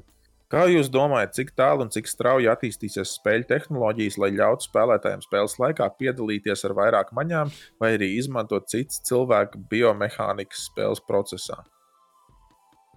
Man uzreiz jau piesaistīja uzmanību tas piemērs, vīna degustācijas spēle. Es neesmu baigais vīnu zinātājs, bet man šķiet, ka, lai uztaisītu tādu tehnoloģiju, tur lai, lai tu varētu reāli sajust atšķirības starp dažādiem vīniem. Zinām, kā atšķirības starp sarkanvīnu un baltvīnu, ok, jā, to vēl var. Tev vajag, nezinu, divas dažādas smaržas. Viens ir nedzerams uzsla, otrs ir lietojams. un, uh, bet, lai uztaisītu kaut ko tādu, ko varētu saukt par vīnu degustācijas spēli, nu, es nezinu, cik tur dažādiem flakoniņiem jābūt, jo, jo smaržas jau veidojas no no simtiem, tūkstošiem dažādu ķīmisku vielu, dažādās proporcijās. Tev tur zin, kā, ir tās virtuālās realitātes brilles, un tad tev uz muguras būs kā ugunsmetēja lielai, lielā cisterna, kur ir mazas ampuliņas ar katru šo ķim, ķīmisko vielu, lai veidotu to smaržu.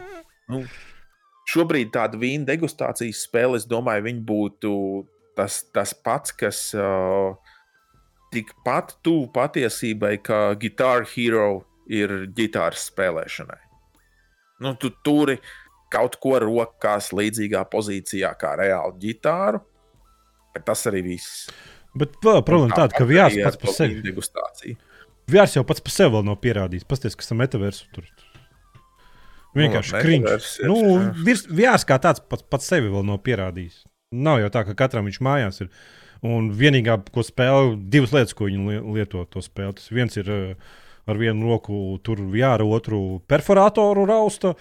Un otrs ir šīs te mm, virtuālais čats. Pa lielam ir divas lielas aplikācijas šobrīd, ko es zinu, kas ir, kur VR izmanto.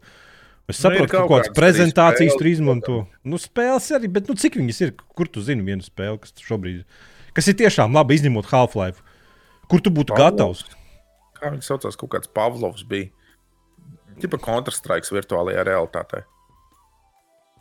Es pats neesmu spēlējis, es esmu redzējis, izskatās tīri ok, bet es nezinu, cik viņa ilgi ir spēlējama, cik viņa ilgi ir izbaudāma. Es esmu redzējis Steamā vēl pāris spēles, kas man ir likušās, jau šito es gribētu uzspēlēt, un tad es saprotu, ka šitais ir virtuālajā realitātē, man nespīd. Mm, Vēl ir autobraukt, kaut kāda simulātora, jā, tur kaut kādā lidmašīnā, lidot mašīnā, sēdēt tur, kur tu esi iekrampēts. Jā, varētu būt. uh, Kaut kur es redzēju, vai Aseto Korsē, vai kam Corsē bija kāda daudzām, vai kas. Tā ir lieta, kur man liekas, varētu baigi labi izmantot. Bet katrā ziņā tā nav Jo- mainstream ierīce, kas ir katrā mājā. Dators ir, telefons ir, kamēr tā ierīce nebūs vismaz pusi. Es pat tagad nezinu, nu, dieva dēļ, tas tā kā stūri nopirkt uh, mājās simulatoram. Visi tie vadi, tas tev pēc tam kaut kur jāliek. Ir. Tas pats ir ar to VR. Visi tie kontrolieri, lādēšana, tur kaut kā tur vats tur. Vai arī tad, tas, uh, viņi nav lēti, viņi nav pieejami jā. visiem. Vienkārši gamings ir salīdzinoši vienkārši pieejams. nu, var jau nopirkt, kaut kuriem nevajag video kartu. Portatīvo, tu pat kaut kādas spēles jau vari sākt spēlēt. Par virtuālo realitāti, lai tu varētu sākt sapņot, tas ir nopietnas investīcijas. Nē, nu ir jau tas, kas tur ir Androids iebūvēts un kas tur, bet nu, tad tur spēlē tās. Uh, Minecraft, man liekas, pat Minecraft grafika nepavilks. Tur ir, nu, nu, tur ir tās bērnu grafika un staigā tur loku, ko šauj. Nu, Nu, es tāds nezinu. uh, Baigi attīstīties, jau tas attīstīsies. Var jau būt, pēkšņi būs kaut kādas uh, kompānija at, uh, atklās kaut kādu tehnoloģiju, kā to visu padarīt daudz lētāku, vai vismaz kā kādu daļu padarīt daudz lētāku. Bet nu, man, man šobrīd kumelīša tēja, man nav kafija, nav kafijas biezuma, kur to izzīmēt, cik ātri tas notiks. Un, nu, es šobrīd domāju, ka tas notiks ļoti lēni, tāpēc ka nav. Uh, tas nav pieejams vairumam cilvēku. Pat vienkārši, kā tu teici, parasts VR nav tik izplatīts, kur nu vēl tik o, sarežģītas lietas, kā tādas smaržas. Nu, Bet tā vēl ir daudz labākas perifērijas, kurām var nopelnīt daudz vairāk naudas, kuras var iesprāst un uzsprāst. Ja tu saproti, ko es ar to gribēju teikt. Daudz lielāks noiets būs, daudz labāka investīcija. šobrīd, jā, un, un ā, daudz, daudz lielāks uh, ieguvums salīdzinot ar izmaksām. Un cilvēki būs priecīgāki arī. Noteikti priecīgāk nekā, ja tāds smaržu aparāts saplīst, vai tev kādas smaržas tur paliek vecas, un tu domā, o, oh, es šoreiz gribu šo Francijas sarkanu vīnu nodegustēt, un pēkšņi tev tur ir 80-gadīgs franču dāmas. Nākošais jautājums. Vai jūsu spēles laikā kādreiz ir cietusi pults, klaviatūra vai kāds cits priekšmets tuvumā? Jā, Sienu es izdaudzīju. Nē, nē. Nē, es pazinu pārstāvs, ka sienu izdaudzīju. E, Nu, ko tu esi? Klaviatūra. Mm, Es Mhm. izdauzīju klaviatūru. Nu, tā, ka visi metam ārā. Jā. Pārlauzis uz pusi aizmets pa, pa istabu. Man ir, Ko tu spēlē? man ir bijušas problēmas ar, uh, ar, ar dusmu savaldīšanu. Nelepojos, bet uh, Galvenais jau tas nav nekas tāds, nezinu, baigi slēpjams vai kaut kā tā. Nu, tādas problēmas ir daudziem. Galvenais ir zināt, ka, nu, ka ir tādas un ka ar tām ir tieši tā. nezinu, kaut kas jādara, kaut kas jāuzlabo. Mm -hmm. Atzīt problēmu vienkārši vajag un viss. Nevis, Viņi ir nevis tā kā es. Ir bijis daudz tas, ka vienkārši nezinu, tur pa galdu sadod vai nezinu, sev pa kāju rītīgi uzsit. Bet nu, bija kaut kāda, man liekas, tas bija PUBG spēlējot ar, ar to pašu Renāru, kurš man šķiet ir pazudis no, no spēļu pasaules. Viņš no Discord ir pazudis, tas ir skaidrs. Un, uh, jā, bija kaut kāds brīdis, kad vienkārši. Nu, Tā klaviatūra, bet tur, tur, man liekas, problēma bija tā, ka tā klaviatūra jau bija tāda ļoti labi nolietota, un kaut kādas pogas tur nedarbojās. Un, un, un tajā laikā es vēl studēju Dānijā, un tur man bija uh, kursbiedrs, ar ko es strādāju pie projekta. un Man liekas, tajā brīdī varētu būt tas, kad es nezinu, iedomājos, ka tā klaviatūra ir tā džekseja. Nu, nu, nu, vienkārši nu, sa sakrājās viss kaut kas. Tas, protams, nav labākais veids, kā, kā, kā tikt galā ar dusmām un emocijām, bet nu, jā, ir gadījies. Nu, man Bet patīk, tas, man liekas, ir vienīgais. man Ir kaut kādi, ir, ir bijušas reizes, kad uh, kontrolieris aizlido, tiek Mhm. nezinu, nomests uz galda vai dīvānā iemests. Bet, nu, tas kontrolieris arī vēl pēc nu, jau astoņiem gadiem vēl joprojām strādā. Ja ir Xbox joprojām 360, kontrolierim ir- viņu var mētāt. Atvičai. Nu, pieredze. Kontrolieris tas stika drifts nav mainījies. Ne. Kā bija, cik liels bija jaunam, tik arī pēc astoņiem gadiem vēl joprojām. 360 kontrolieris var mētāt. Nu, tā, protams, tā, nu, tā viegli, bet nu, pēdējo, pēdējais es metu kontrolieri, kad spēlēju of War. Bet tas spēlēs grūtāko pakāpi. un Tur, tur bija sarežģītības. Jā. Bet tā, jā, pa klaviatūru arī nav, nav nevainas uzšaut. Godīgi pateikšu. Tie, kas nav to darījuši, iesaku pamēģināt vismaz vienu reizi. Nevajag teiktu, aizrauties, bet nu, Pamēģini tad, kad, uh, kad tev ir lieka līdzekļi, lai tu varētu klaviatūru nopirkt citu. nu jā, bet uh, galvenais to nevar, Klaviatūra pēc tam nebija, nebija lietojama. galvenais nevajag to darīt, ka kāds blakus ir. Nu, ķipa, istabā, mājā. Tad citiem, citiem to nevajag redzēt un dzirdēt. Viņi jau nesapratīs, ka tev cēsā nos, no, nošāva 12 gadnieks, un tagad tībago tevi un sauc par mudaku, un- vakarā tiksies ar tavu mammu, zin kā. Jā, bet, Mammu, jā. bet nu, Jā. gadās. Labi, kas tur tālāk? Um, nesen IGN Dienvidkorejas nodaļas apskatnieks Besang Hyun diezgan smagi kritizēja God of War Ragnarok, un cits starpā spēli nosauc par DLC iepriekšējai God of War. Spēli viņš novērtēja ar sešām balēm. Tajā pašā laikā spēlētāji visā pasaulē spēli kopumā ir novērtējuši ar izcilu atzīmi, kā arī spēle ir saņēmusi desmit nominācijas The Game Awards. Vai šeit ir runa par drosmi izteikt savu viedokli, vai tomēr tas ir nekas cits kā trollings? Nu, es neesmu spēlējis ar Man Tas uzreiz atgādina man un uh, Far Cry 4. kas bija Far Cry Arī 4. uh, daudz novērtēja augstu. Es viņu uzskatīju, ka vienkārši tas ir. Nu, es viņu neuzskatīju kā atsevišķu spēli, bet kā DLC. Cry 4 bija tur, kur uh, tas čalīts, uh, doing the same thing over and over and expecting Tas different bija results. trešais. Tas bija trešais. Jā, A, ceturtais bija. bija tāds. Uh, vai viņš bija violetā uzvalkā. Ah, tur, kur varēja spēles sākumu iziet desmit minūtes, vienkārši sēžot un neejot nekur prom. Ja? Jā, Tieši jā, okay. Nu, protams, nu, mēs nevaram uh, tā apskatnieku galvā ielīst. Varbūt tas ir trollings, var, varbūt tā, tas ir vienkārši viņš, viņa viedoklis. Jo nu,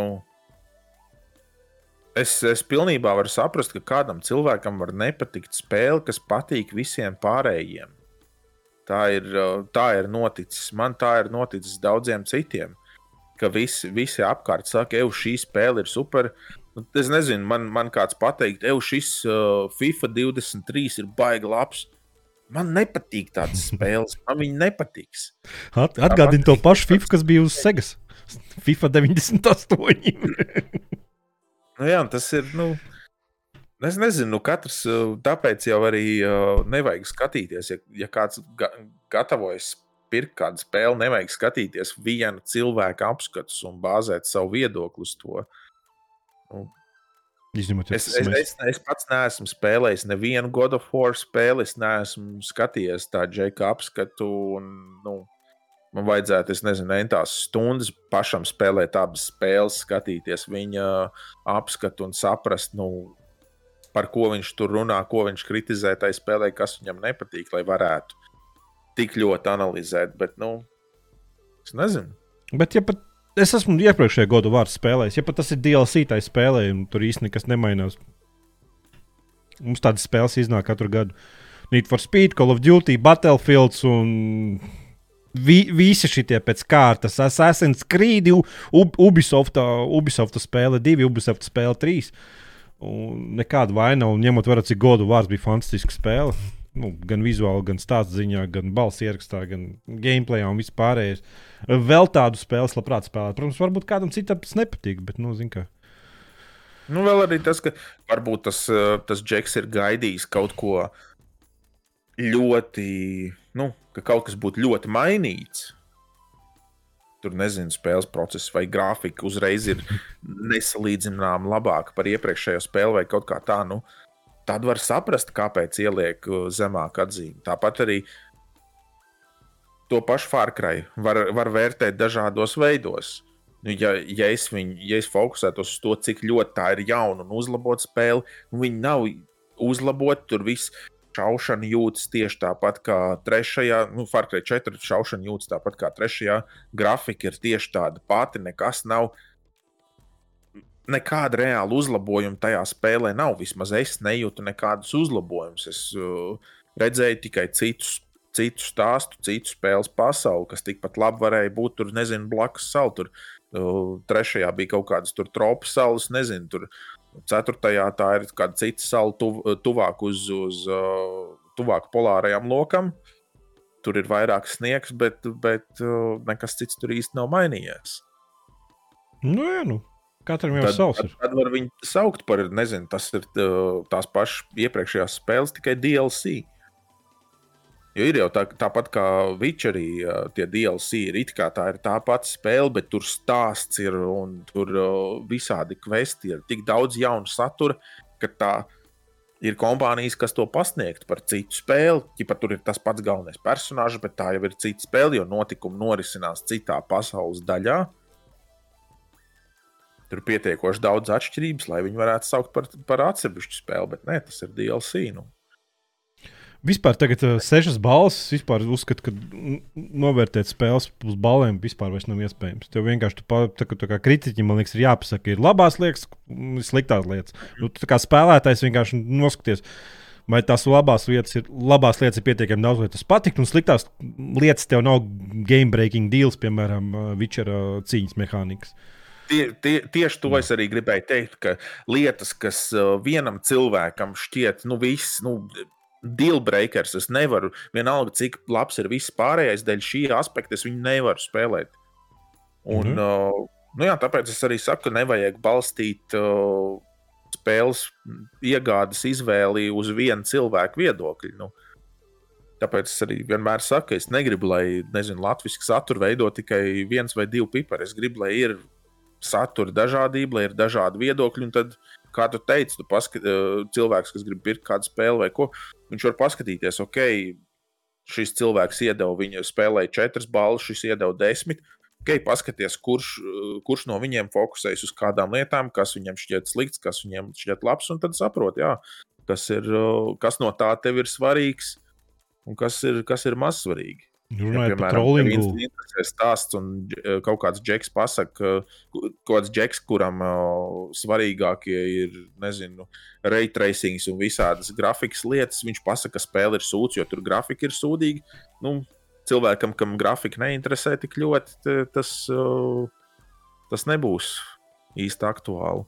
Par tām balēm es esmu, es esmu daudz domājis, kā savos video ja izveidot kaut kādu nezinu, vērtēšanas sistēmu, bet ir tik sarežģīti. Ar balēm jau arī tas pats, ka. Lietas septiņi visām spēlēm. Jā, ir ok, var spēlēt. Nu, jo, jo katram jau arī tas, uh, tas vērtējums ir, ir atšķirīgs. Nu, Ziniet, tā kā skolā, nu, jebkas zem četrām balēm ir vienkārši nu, viss. Nu, zem četrām balēm nav vairs, nav vairs svarīgi, vai tā ir viena vai trīs vienkārši ir nesekmīgs un viss.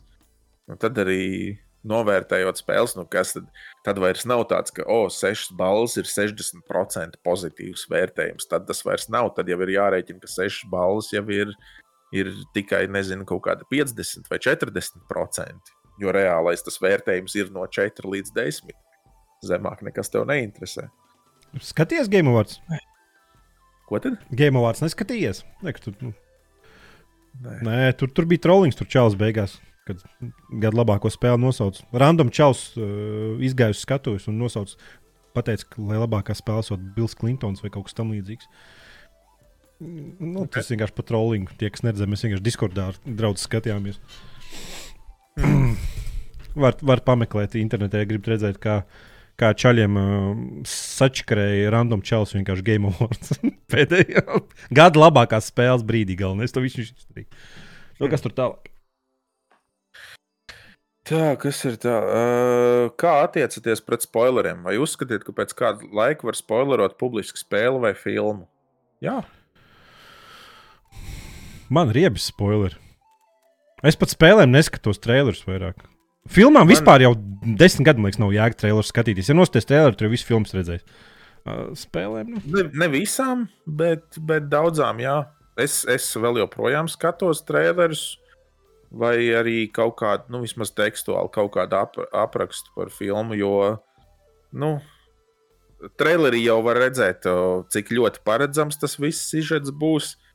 Un, uh, ja, ja labs trailers ir, tad uh, tas var pamudināt man skatīties to filmu. Bet, ja trailerī parāda jau visu, kas filmā notiks, nu, forši, nu, tad es zinu, tā filma ir, ir ļoti arī paredzama.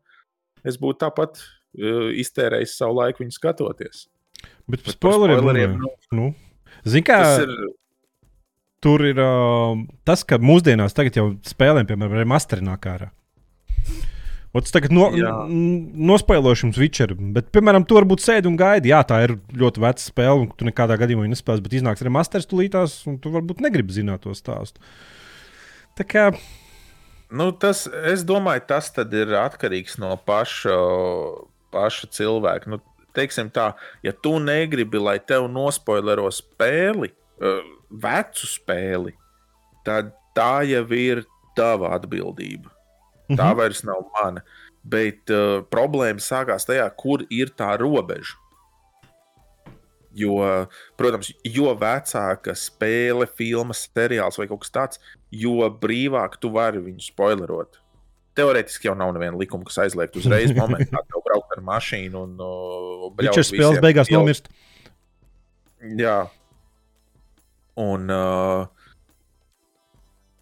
nu, kaut kādas jaunas spēles es cenšos, ja, ja es ar kādu paziņu vai kur runāju, ja ir kaut kāda jauna spēle, es vienmēr paprasu, vai tu esi spēlējis, vai tu viņu gribi spēlēt, vai es tev varu teikt priekšā, vai kaut kā tā. Vai arī strīmā es nezinu, kaut kad esmu runājis par kaut kādām spēlēm, un arī tad ir tāds, nu, kaut kāda daļa, ko es tagad teikšu, tas var tev daļēji to spēli nospoilot, vai kaut kā tā, un nu, vai tev tas ir pieņemami vai nē. Bet kaut kādas vecākas spēles, nu, es nezinu, ja kaut kādam Witcheram nāks, nāks remasters. Es iespējams viņu gribēšu uzspēlēt, jo tad tā spēle man būs izbaudāma. Bet, ja, es nezinu, iepriekš es būšu noskatījies tavu, būtu noskatījies tavu streamu un redzējis visu, kā tur stāsts attīstās. Nu, es nezinu, Es, es katrā ziņā nejustos, ka tu esi lielais ļaunais Edgars, kurš tagad man nospoiloja spēli. Nu, diezgan Vecām viegli izvairīties. Vecām filmām, nu, tas ir sevišķi, ja tā ir laba spēle, filma vai, vai seriāls, tad uh, kaut kāda spoileri jau aiziet pēc tam, kā mēmēs, joki un, un viss kaut kas tāds iekļaujās citās nezinu, aiziet tur bezmazliet mūzikā vai citos seriālos, jau parādās, vai citās spēlēs kaut kādas atsauces uz kādu citu vecu spēli. Nu, nu, tā vairs nevar izvairīties. No, mm. no ve vecām spēlēm, filmām un tā tālāk, es domāju, nu, tas, tie vairs nav spoileri. Bet es arī skatos kaut kādu video, audio, vienalga, ko jūtas spoileris, kad būs. Nu, parasti jau tu jūti, nu, kad, jo, ja tu nejūti, tas nozīmē, ka tev tas neinteresē. Nebaz, nu. Jā. Ja tu, ja tu stāsti kaut ko tādu, ja, kāds, ja kāds veido video vai kaut ko un stāsta par kaut ko jaunu vai nu, nesen iznākušu spēli un nepasaka laicīgi, ka ot, ne, tūlīt būs spoilers, patin video uz šo, uz, uz šo laiku, lai tu nu, noskipotu to spoileru. Ja kāds cilvēks tā neizdara, nu, tas ir tāds. Nu, nu jā, bet, mū... bet ja tā ir 15 gadus veca spēle. Nē, nu 15 gadus veca spēle, protams, jā. tas ir cits. Tas, es domāju, vairāk par jaunām. Nu. Jā. Tas tā, tāds sarežģīts atbildāms jautājums. Personalizēts. Apzināti iet un trole, troļot un, un, un, un uzbāzties cilvēkiem. Ja tev, ja tev cilvēks pasakā, sorry, es gribu šo spēli uzspēlēt, es negribu neko iepriekš par viņu zināt. Es neesmu skatījies nekādus video, neko es gaidu, kad es pats varēšu spēlēt. Tad tu aizjūti un viņam kaut ko tik un tā uzrakst vai pasakā speciāli apzināti, ka tas, zinot, ka tas cilvēks negrib to. Tas nav forši. Tas ir ļoti kretīnisks gājiens. Vai arī lietot Twitter. Tur visam ir viss spoileri visiem seriāliem un visam pārējiem pirmajās sekundēs. Tīpaši, ja sporta spēļu fanāts esi un tu negribi zināt savu futbola maču rezultātu, un tu seko daudz futbolistiem, nu tad vēl veiksmi. Nu, kas mums tālāk? Tā, nākošais. Kā attiecaties uz informācijas noplūdēm pirms kaut kādiem pasākumiem, piemēram, State of Play un tā tālāk? Vai tas ir pieņemami? Jautāju tādēļ, ka bieži skatoties šādu pasākumu streamus, dzirdu žēlošanos, ka to jau zinājām, to jau zinājām, un nav nekā jauna. Man liekas, ka tagad jau kaut kādām spēļu un citām kompānijām tā, man liekas, ir tāda savu veidu bezmazliet mārketinga stratēģija ķipa, ir kaut kas nopludināts, bet nu, tā, nu, on, nu, vai tiešām nopietnos lielos uzņēmumos nav pietiekoši liela kontrole? Nu, es nezinu. Man liekas, ka tas viss ir pupumīs un speciāli tas kāds no, nolīko, lai dabūtu mm, uzrakstu ar nosaukumu Līka. Nu, Uzraksts, nu, virsraksts, kurā ir vārds Līka jau uh, normāls hype paceļ uzreiz. Jā, un uh, vēl tas, ka uh, kaut kādā skatoties tur streamus vai ko pēc tam sūdzēties, nu, sorry, nu, ja, ja piemēram kaut kāds streams vai kas spēle tiek, teiksim, uh, izstrādāta ilgi, tur entos gadus, un viņi jau pirms kaut kādas atklāšanas, pirms vienalga tur uh, kaut kāda spēļu tur, uh, izstādes vai kaut kā tam līdzīga, uh, Viņa jau kompānija ir gatavojusies ilgi. Ko viņi rādīs, kad viņi rādīs, ko viņi par to spēli vēlas stāstīt. Un tad, kādu laiku pirms tā streama, kāds izdomā nolīkot kaut kādu daļu no tās informācijas, nu, man liekas, ir baigi, ir par daudz prasīt, lai kompānija pēkšņi izmaina visus savus plānus. It sevišķi, ja viņiem ir cilvēki strādājuši pie satura, ko rādīt tajā streamā, ko rādīt tajā, nezinu, kaut kādā citā pasākumā. Kāds cits ir daļa no šīs informācijas jau iepriekš izplatījis. Nu, es nezinu, man liekas, ir nedaudz par daudz prasīt no tās kompānijas, lai viņi pēkšņi tagad visu, visu izmaina. Jā, jautājums, vai tas ir pieņemami? Nu, tu jau neko nevari izdarīt. Nu, nolīkots, nolīkots ir plusā. Mēs Twitterī trendā esam tagad. Viss mārketings iet uz priekšu, ieliec man laiku. Paldies!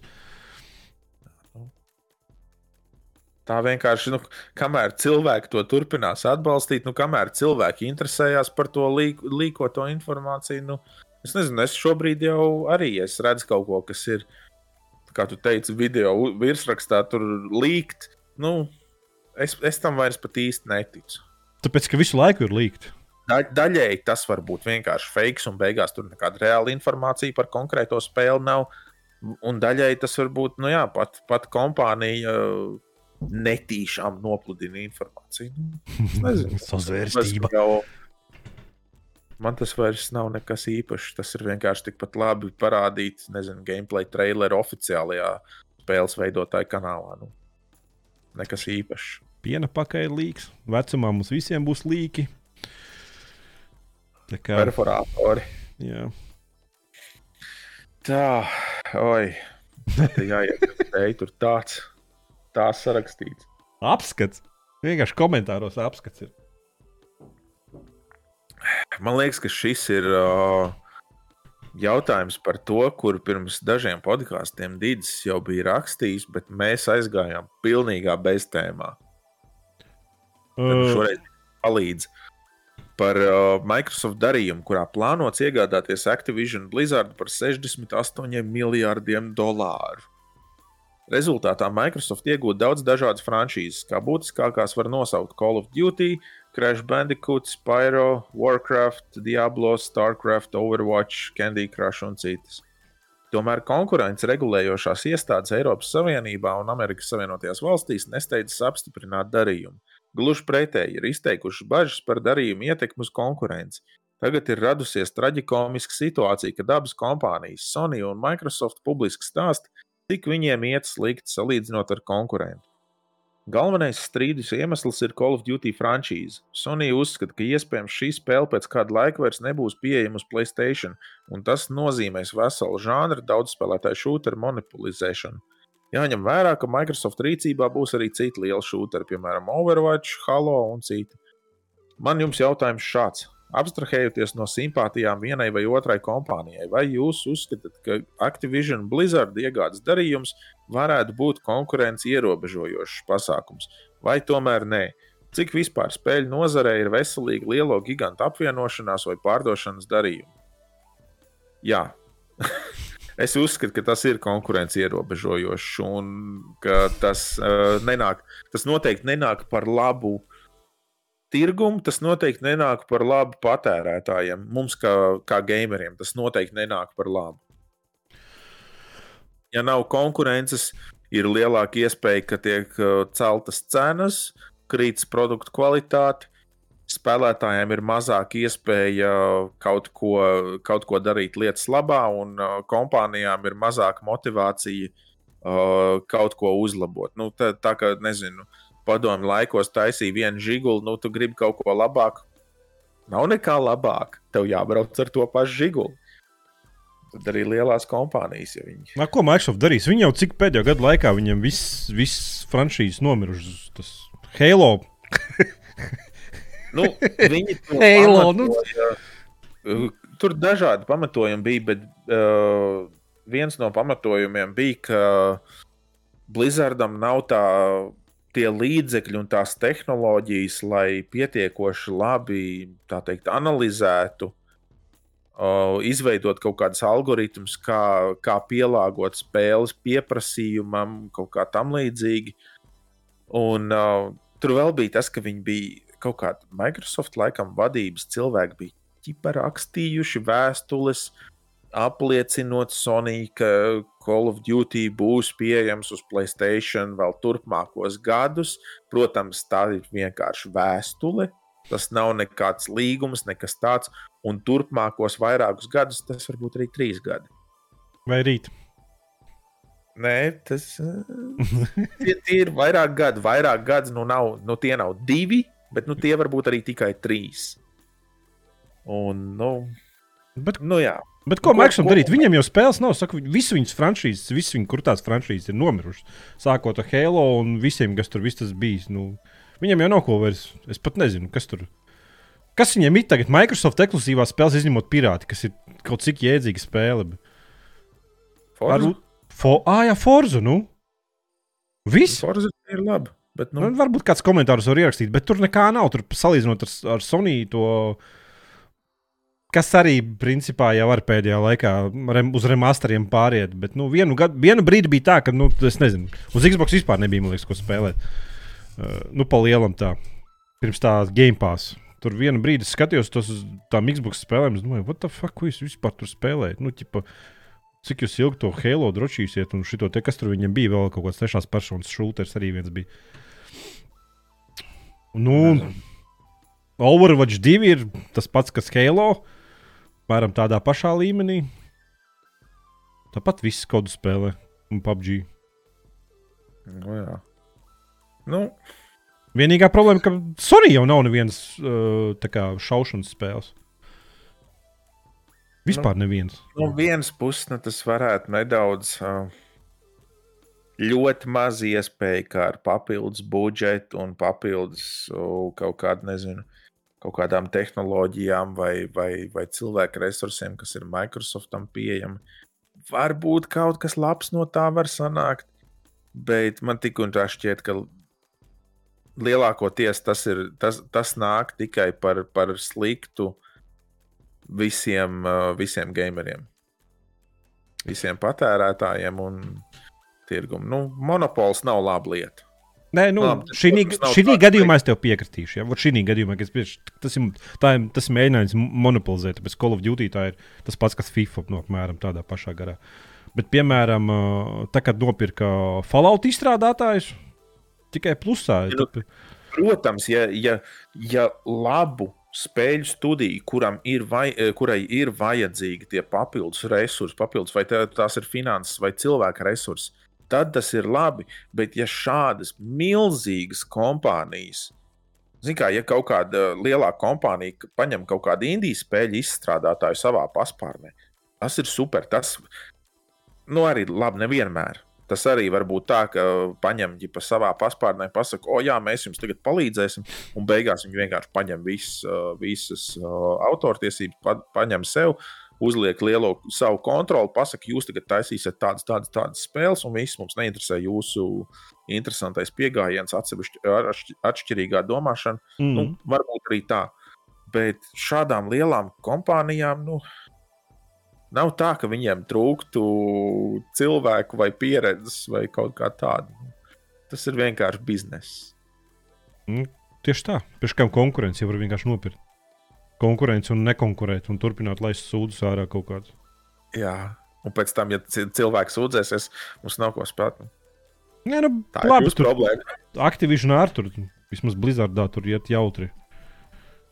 Nā, nu, vēl, vēl tas, ka daudzi, laikam, Microsoft pusē darbinieki uztraucas, ka tas varētu arī no Blizzard ieviest o, nepatīkamas lietas ikdienas darba vidē, kā tur Blizzardā arī esot bijuši visādas. nezinu.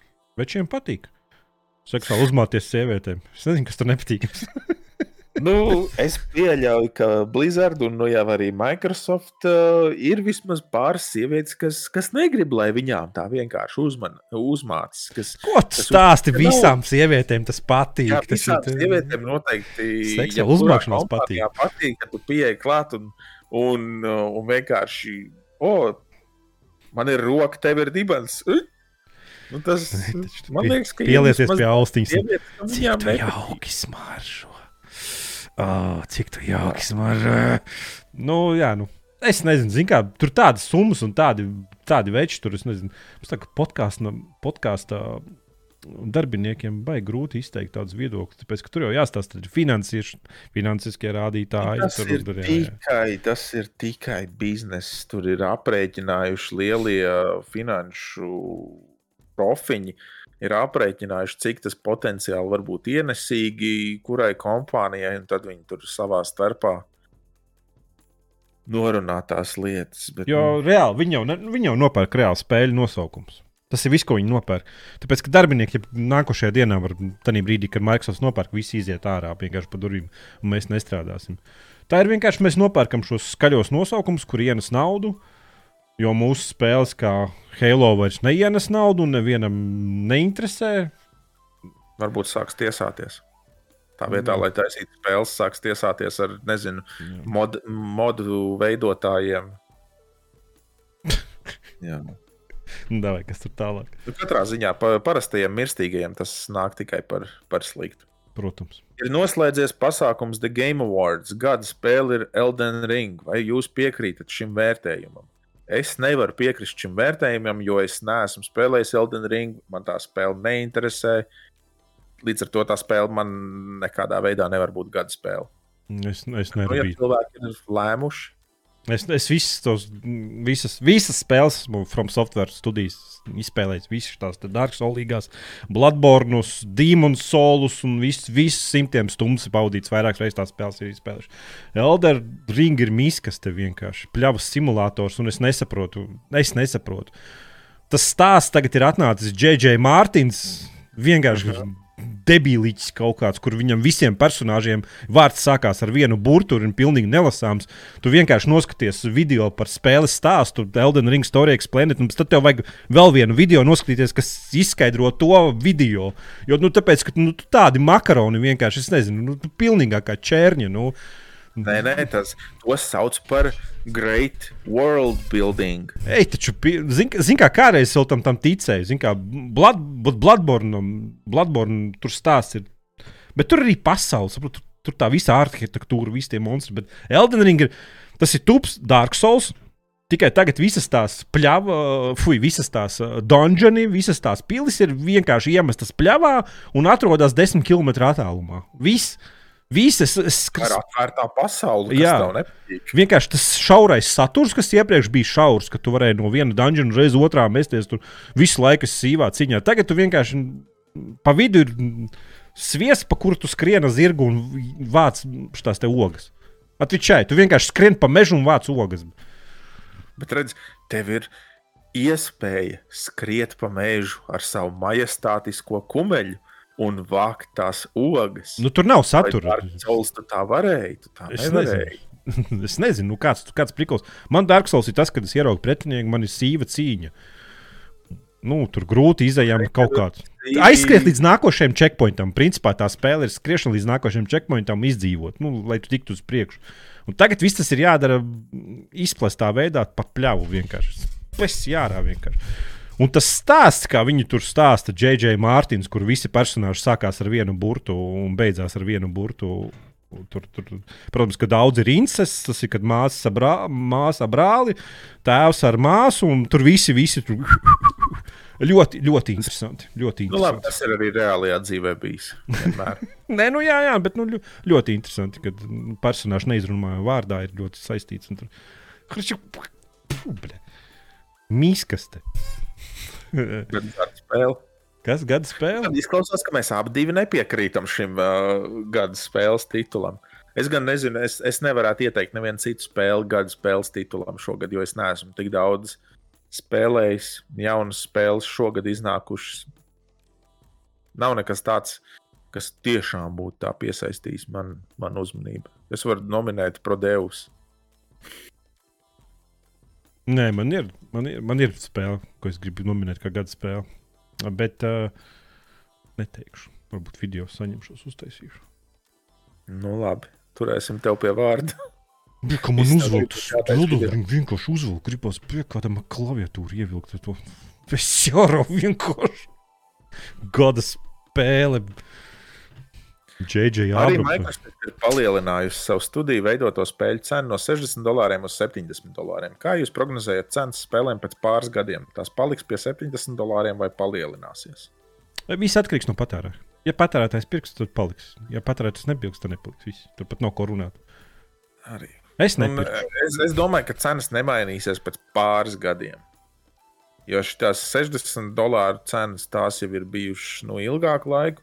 Bet es varu, nu jā, daļēji tas ir tāpēc, ka cilvēki pērk par tādām cenām, un daļēji nu, tomēr ir, ir inflācija.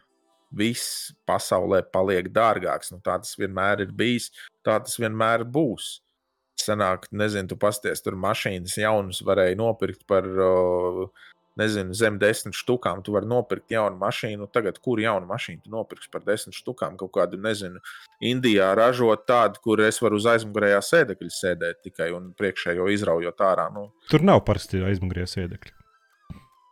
tie ir, nu, tie paredzēti, es nezinu kam, bet nu, Ir taču tiem traktoru motoriem, tur div, div, šur, divtaknieki, tas mašīnas. Padomu ar tāds braukā. Ārpus pilsētas nevar izbraukt. Vo? Ir to, man liekas, pa desmit. pār pa Mārupu šoseju, no Jā? Mārupu uz, uz jaunu Mārupu tā brauc. Tu Nopietni. normāli brauc uz saviem. Vai tad drīkst pēc likuma? Legāli. Nu, Viņš, nu, nezinu, 45, 50 km/h viņš tur brauc.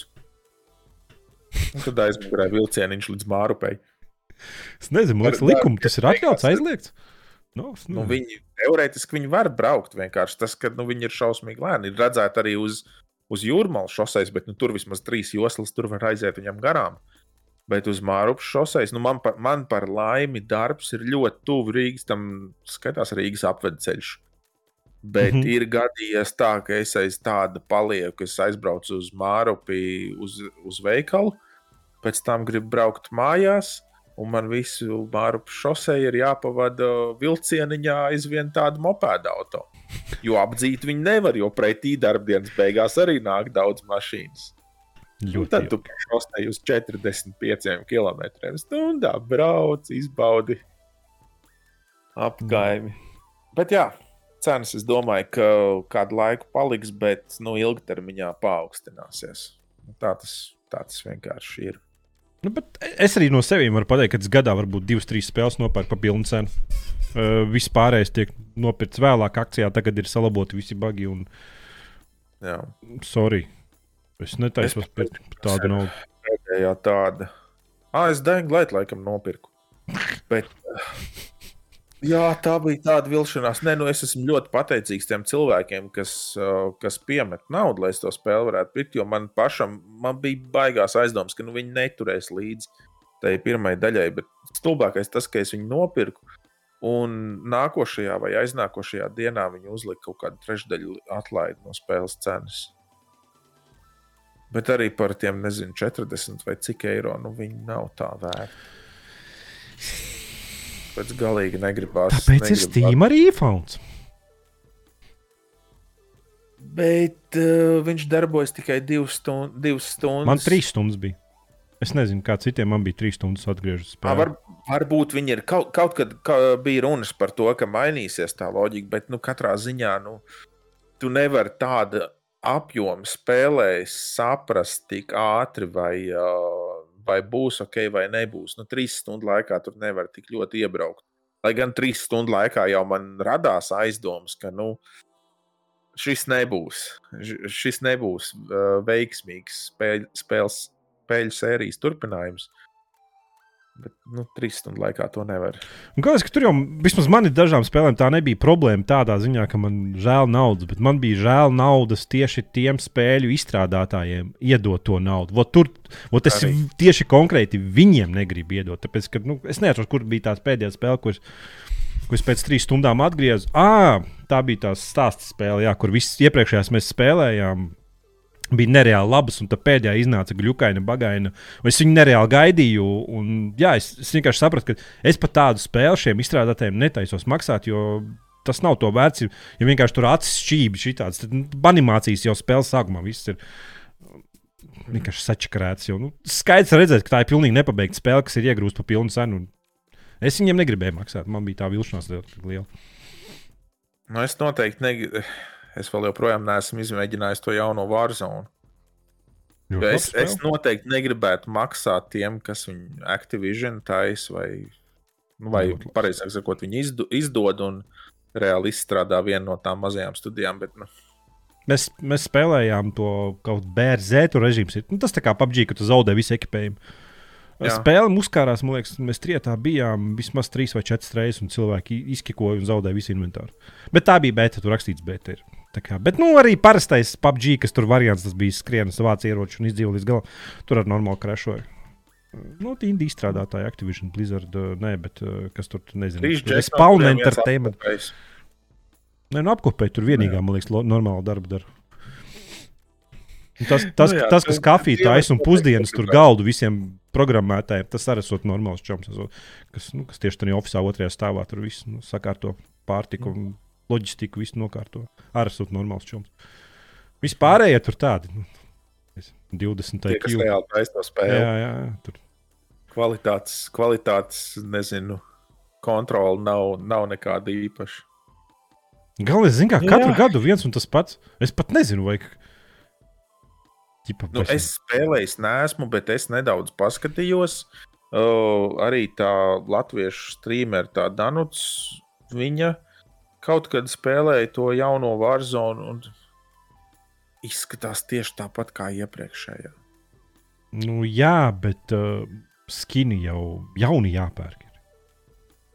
Nu, nu jā, no tā, no Viss tā, tā nauda, ko tu vecajā spēlē atstāji, viss tas jau pazūd tev jauna iespēja piepelnīties, bet nu, tā man kā spēlētājam, tā spēle, man kā cilvēkam, kam tie skini pilnīgi vienaldzīgi. nu, nezinu. Nē, viņš ir sarežģītāk. Tas, tas kā sanāk, bija tā, tā spēle State of Decay, kas man ļoti patīk, kur, kur man ļoti nieznāk vēlreiz uzspēlēt. Viņi uztaisīja kaut kādu update, kur vispār vienkārši uzlaboja izšķirtspēju, kaut kādas tekstūras uzlaboja. Un, ja tev, der, ja tev piederēja pirmā, nu, oriģinālā spēle, ja tu gribēji to update, to, to dabūt, tev bija jāpērk vēlreiz par pilno spēles cenu. Nu, labi, tas remasters. ir labāks. Viņam, jā, nu, nu, viņš pat nebija remasters, viņš nebija tādā līmenī. Viņi nebija tik ļoti uzlaboti. Vairāk bija vienkārši tur, nezinu, izšķirtspēja limits noņemts un tekstūras bišķi, labākas uzliktas. Nu, nē, nu tev jādara, jādara jau kompānijām, tā kā Sony uztaisa remasteru, tam remasteram remake, un tam remakeam remasteru. Nē, tam vajag definitīvu edition. Un pēc tam definitīvu edition, jā. Un vienī, vienīgā pati dārgākā versija ir tā pēdējā, kurai ir 60 FPS. Visām pārējām ir 30 FPS. Un viss, nu, easy peasy. Naudu viņi vienkārši vienu to pašu spēli tev tirgo atkal un atkal.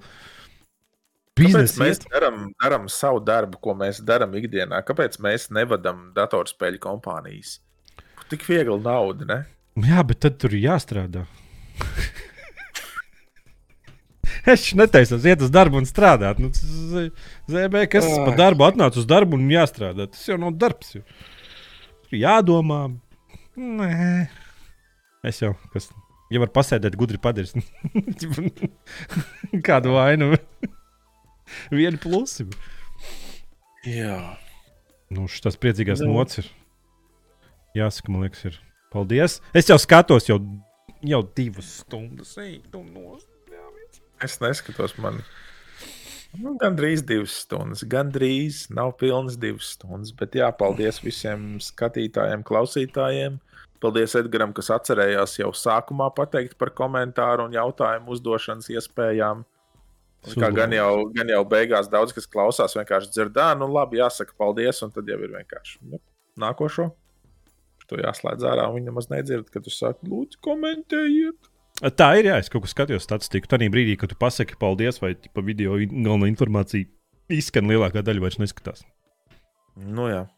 Ne, bet ne jau mūsu klausītāji un skatītāji. Mums ir tāda nav. Viņi īpaši ir apdāvināti. Atā, Nu jā.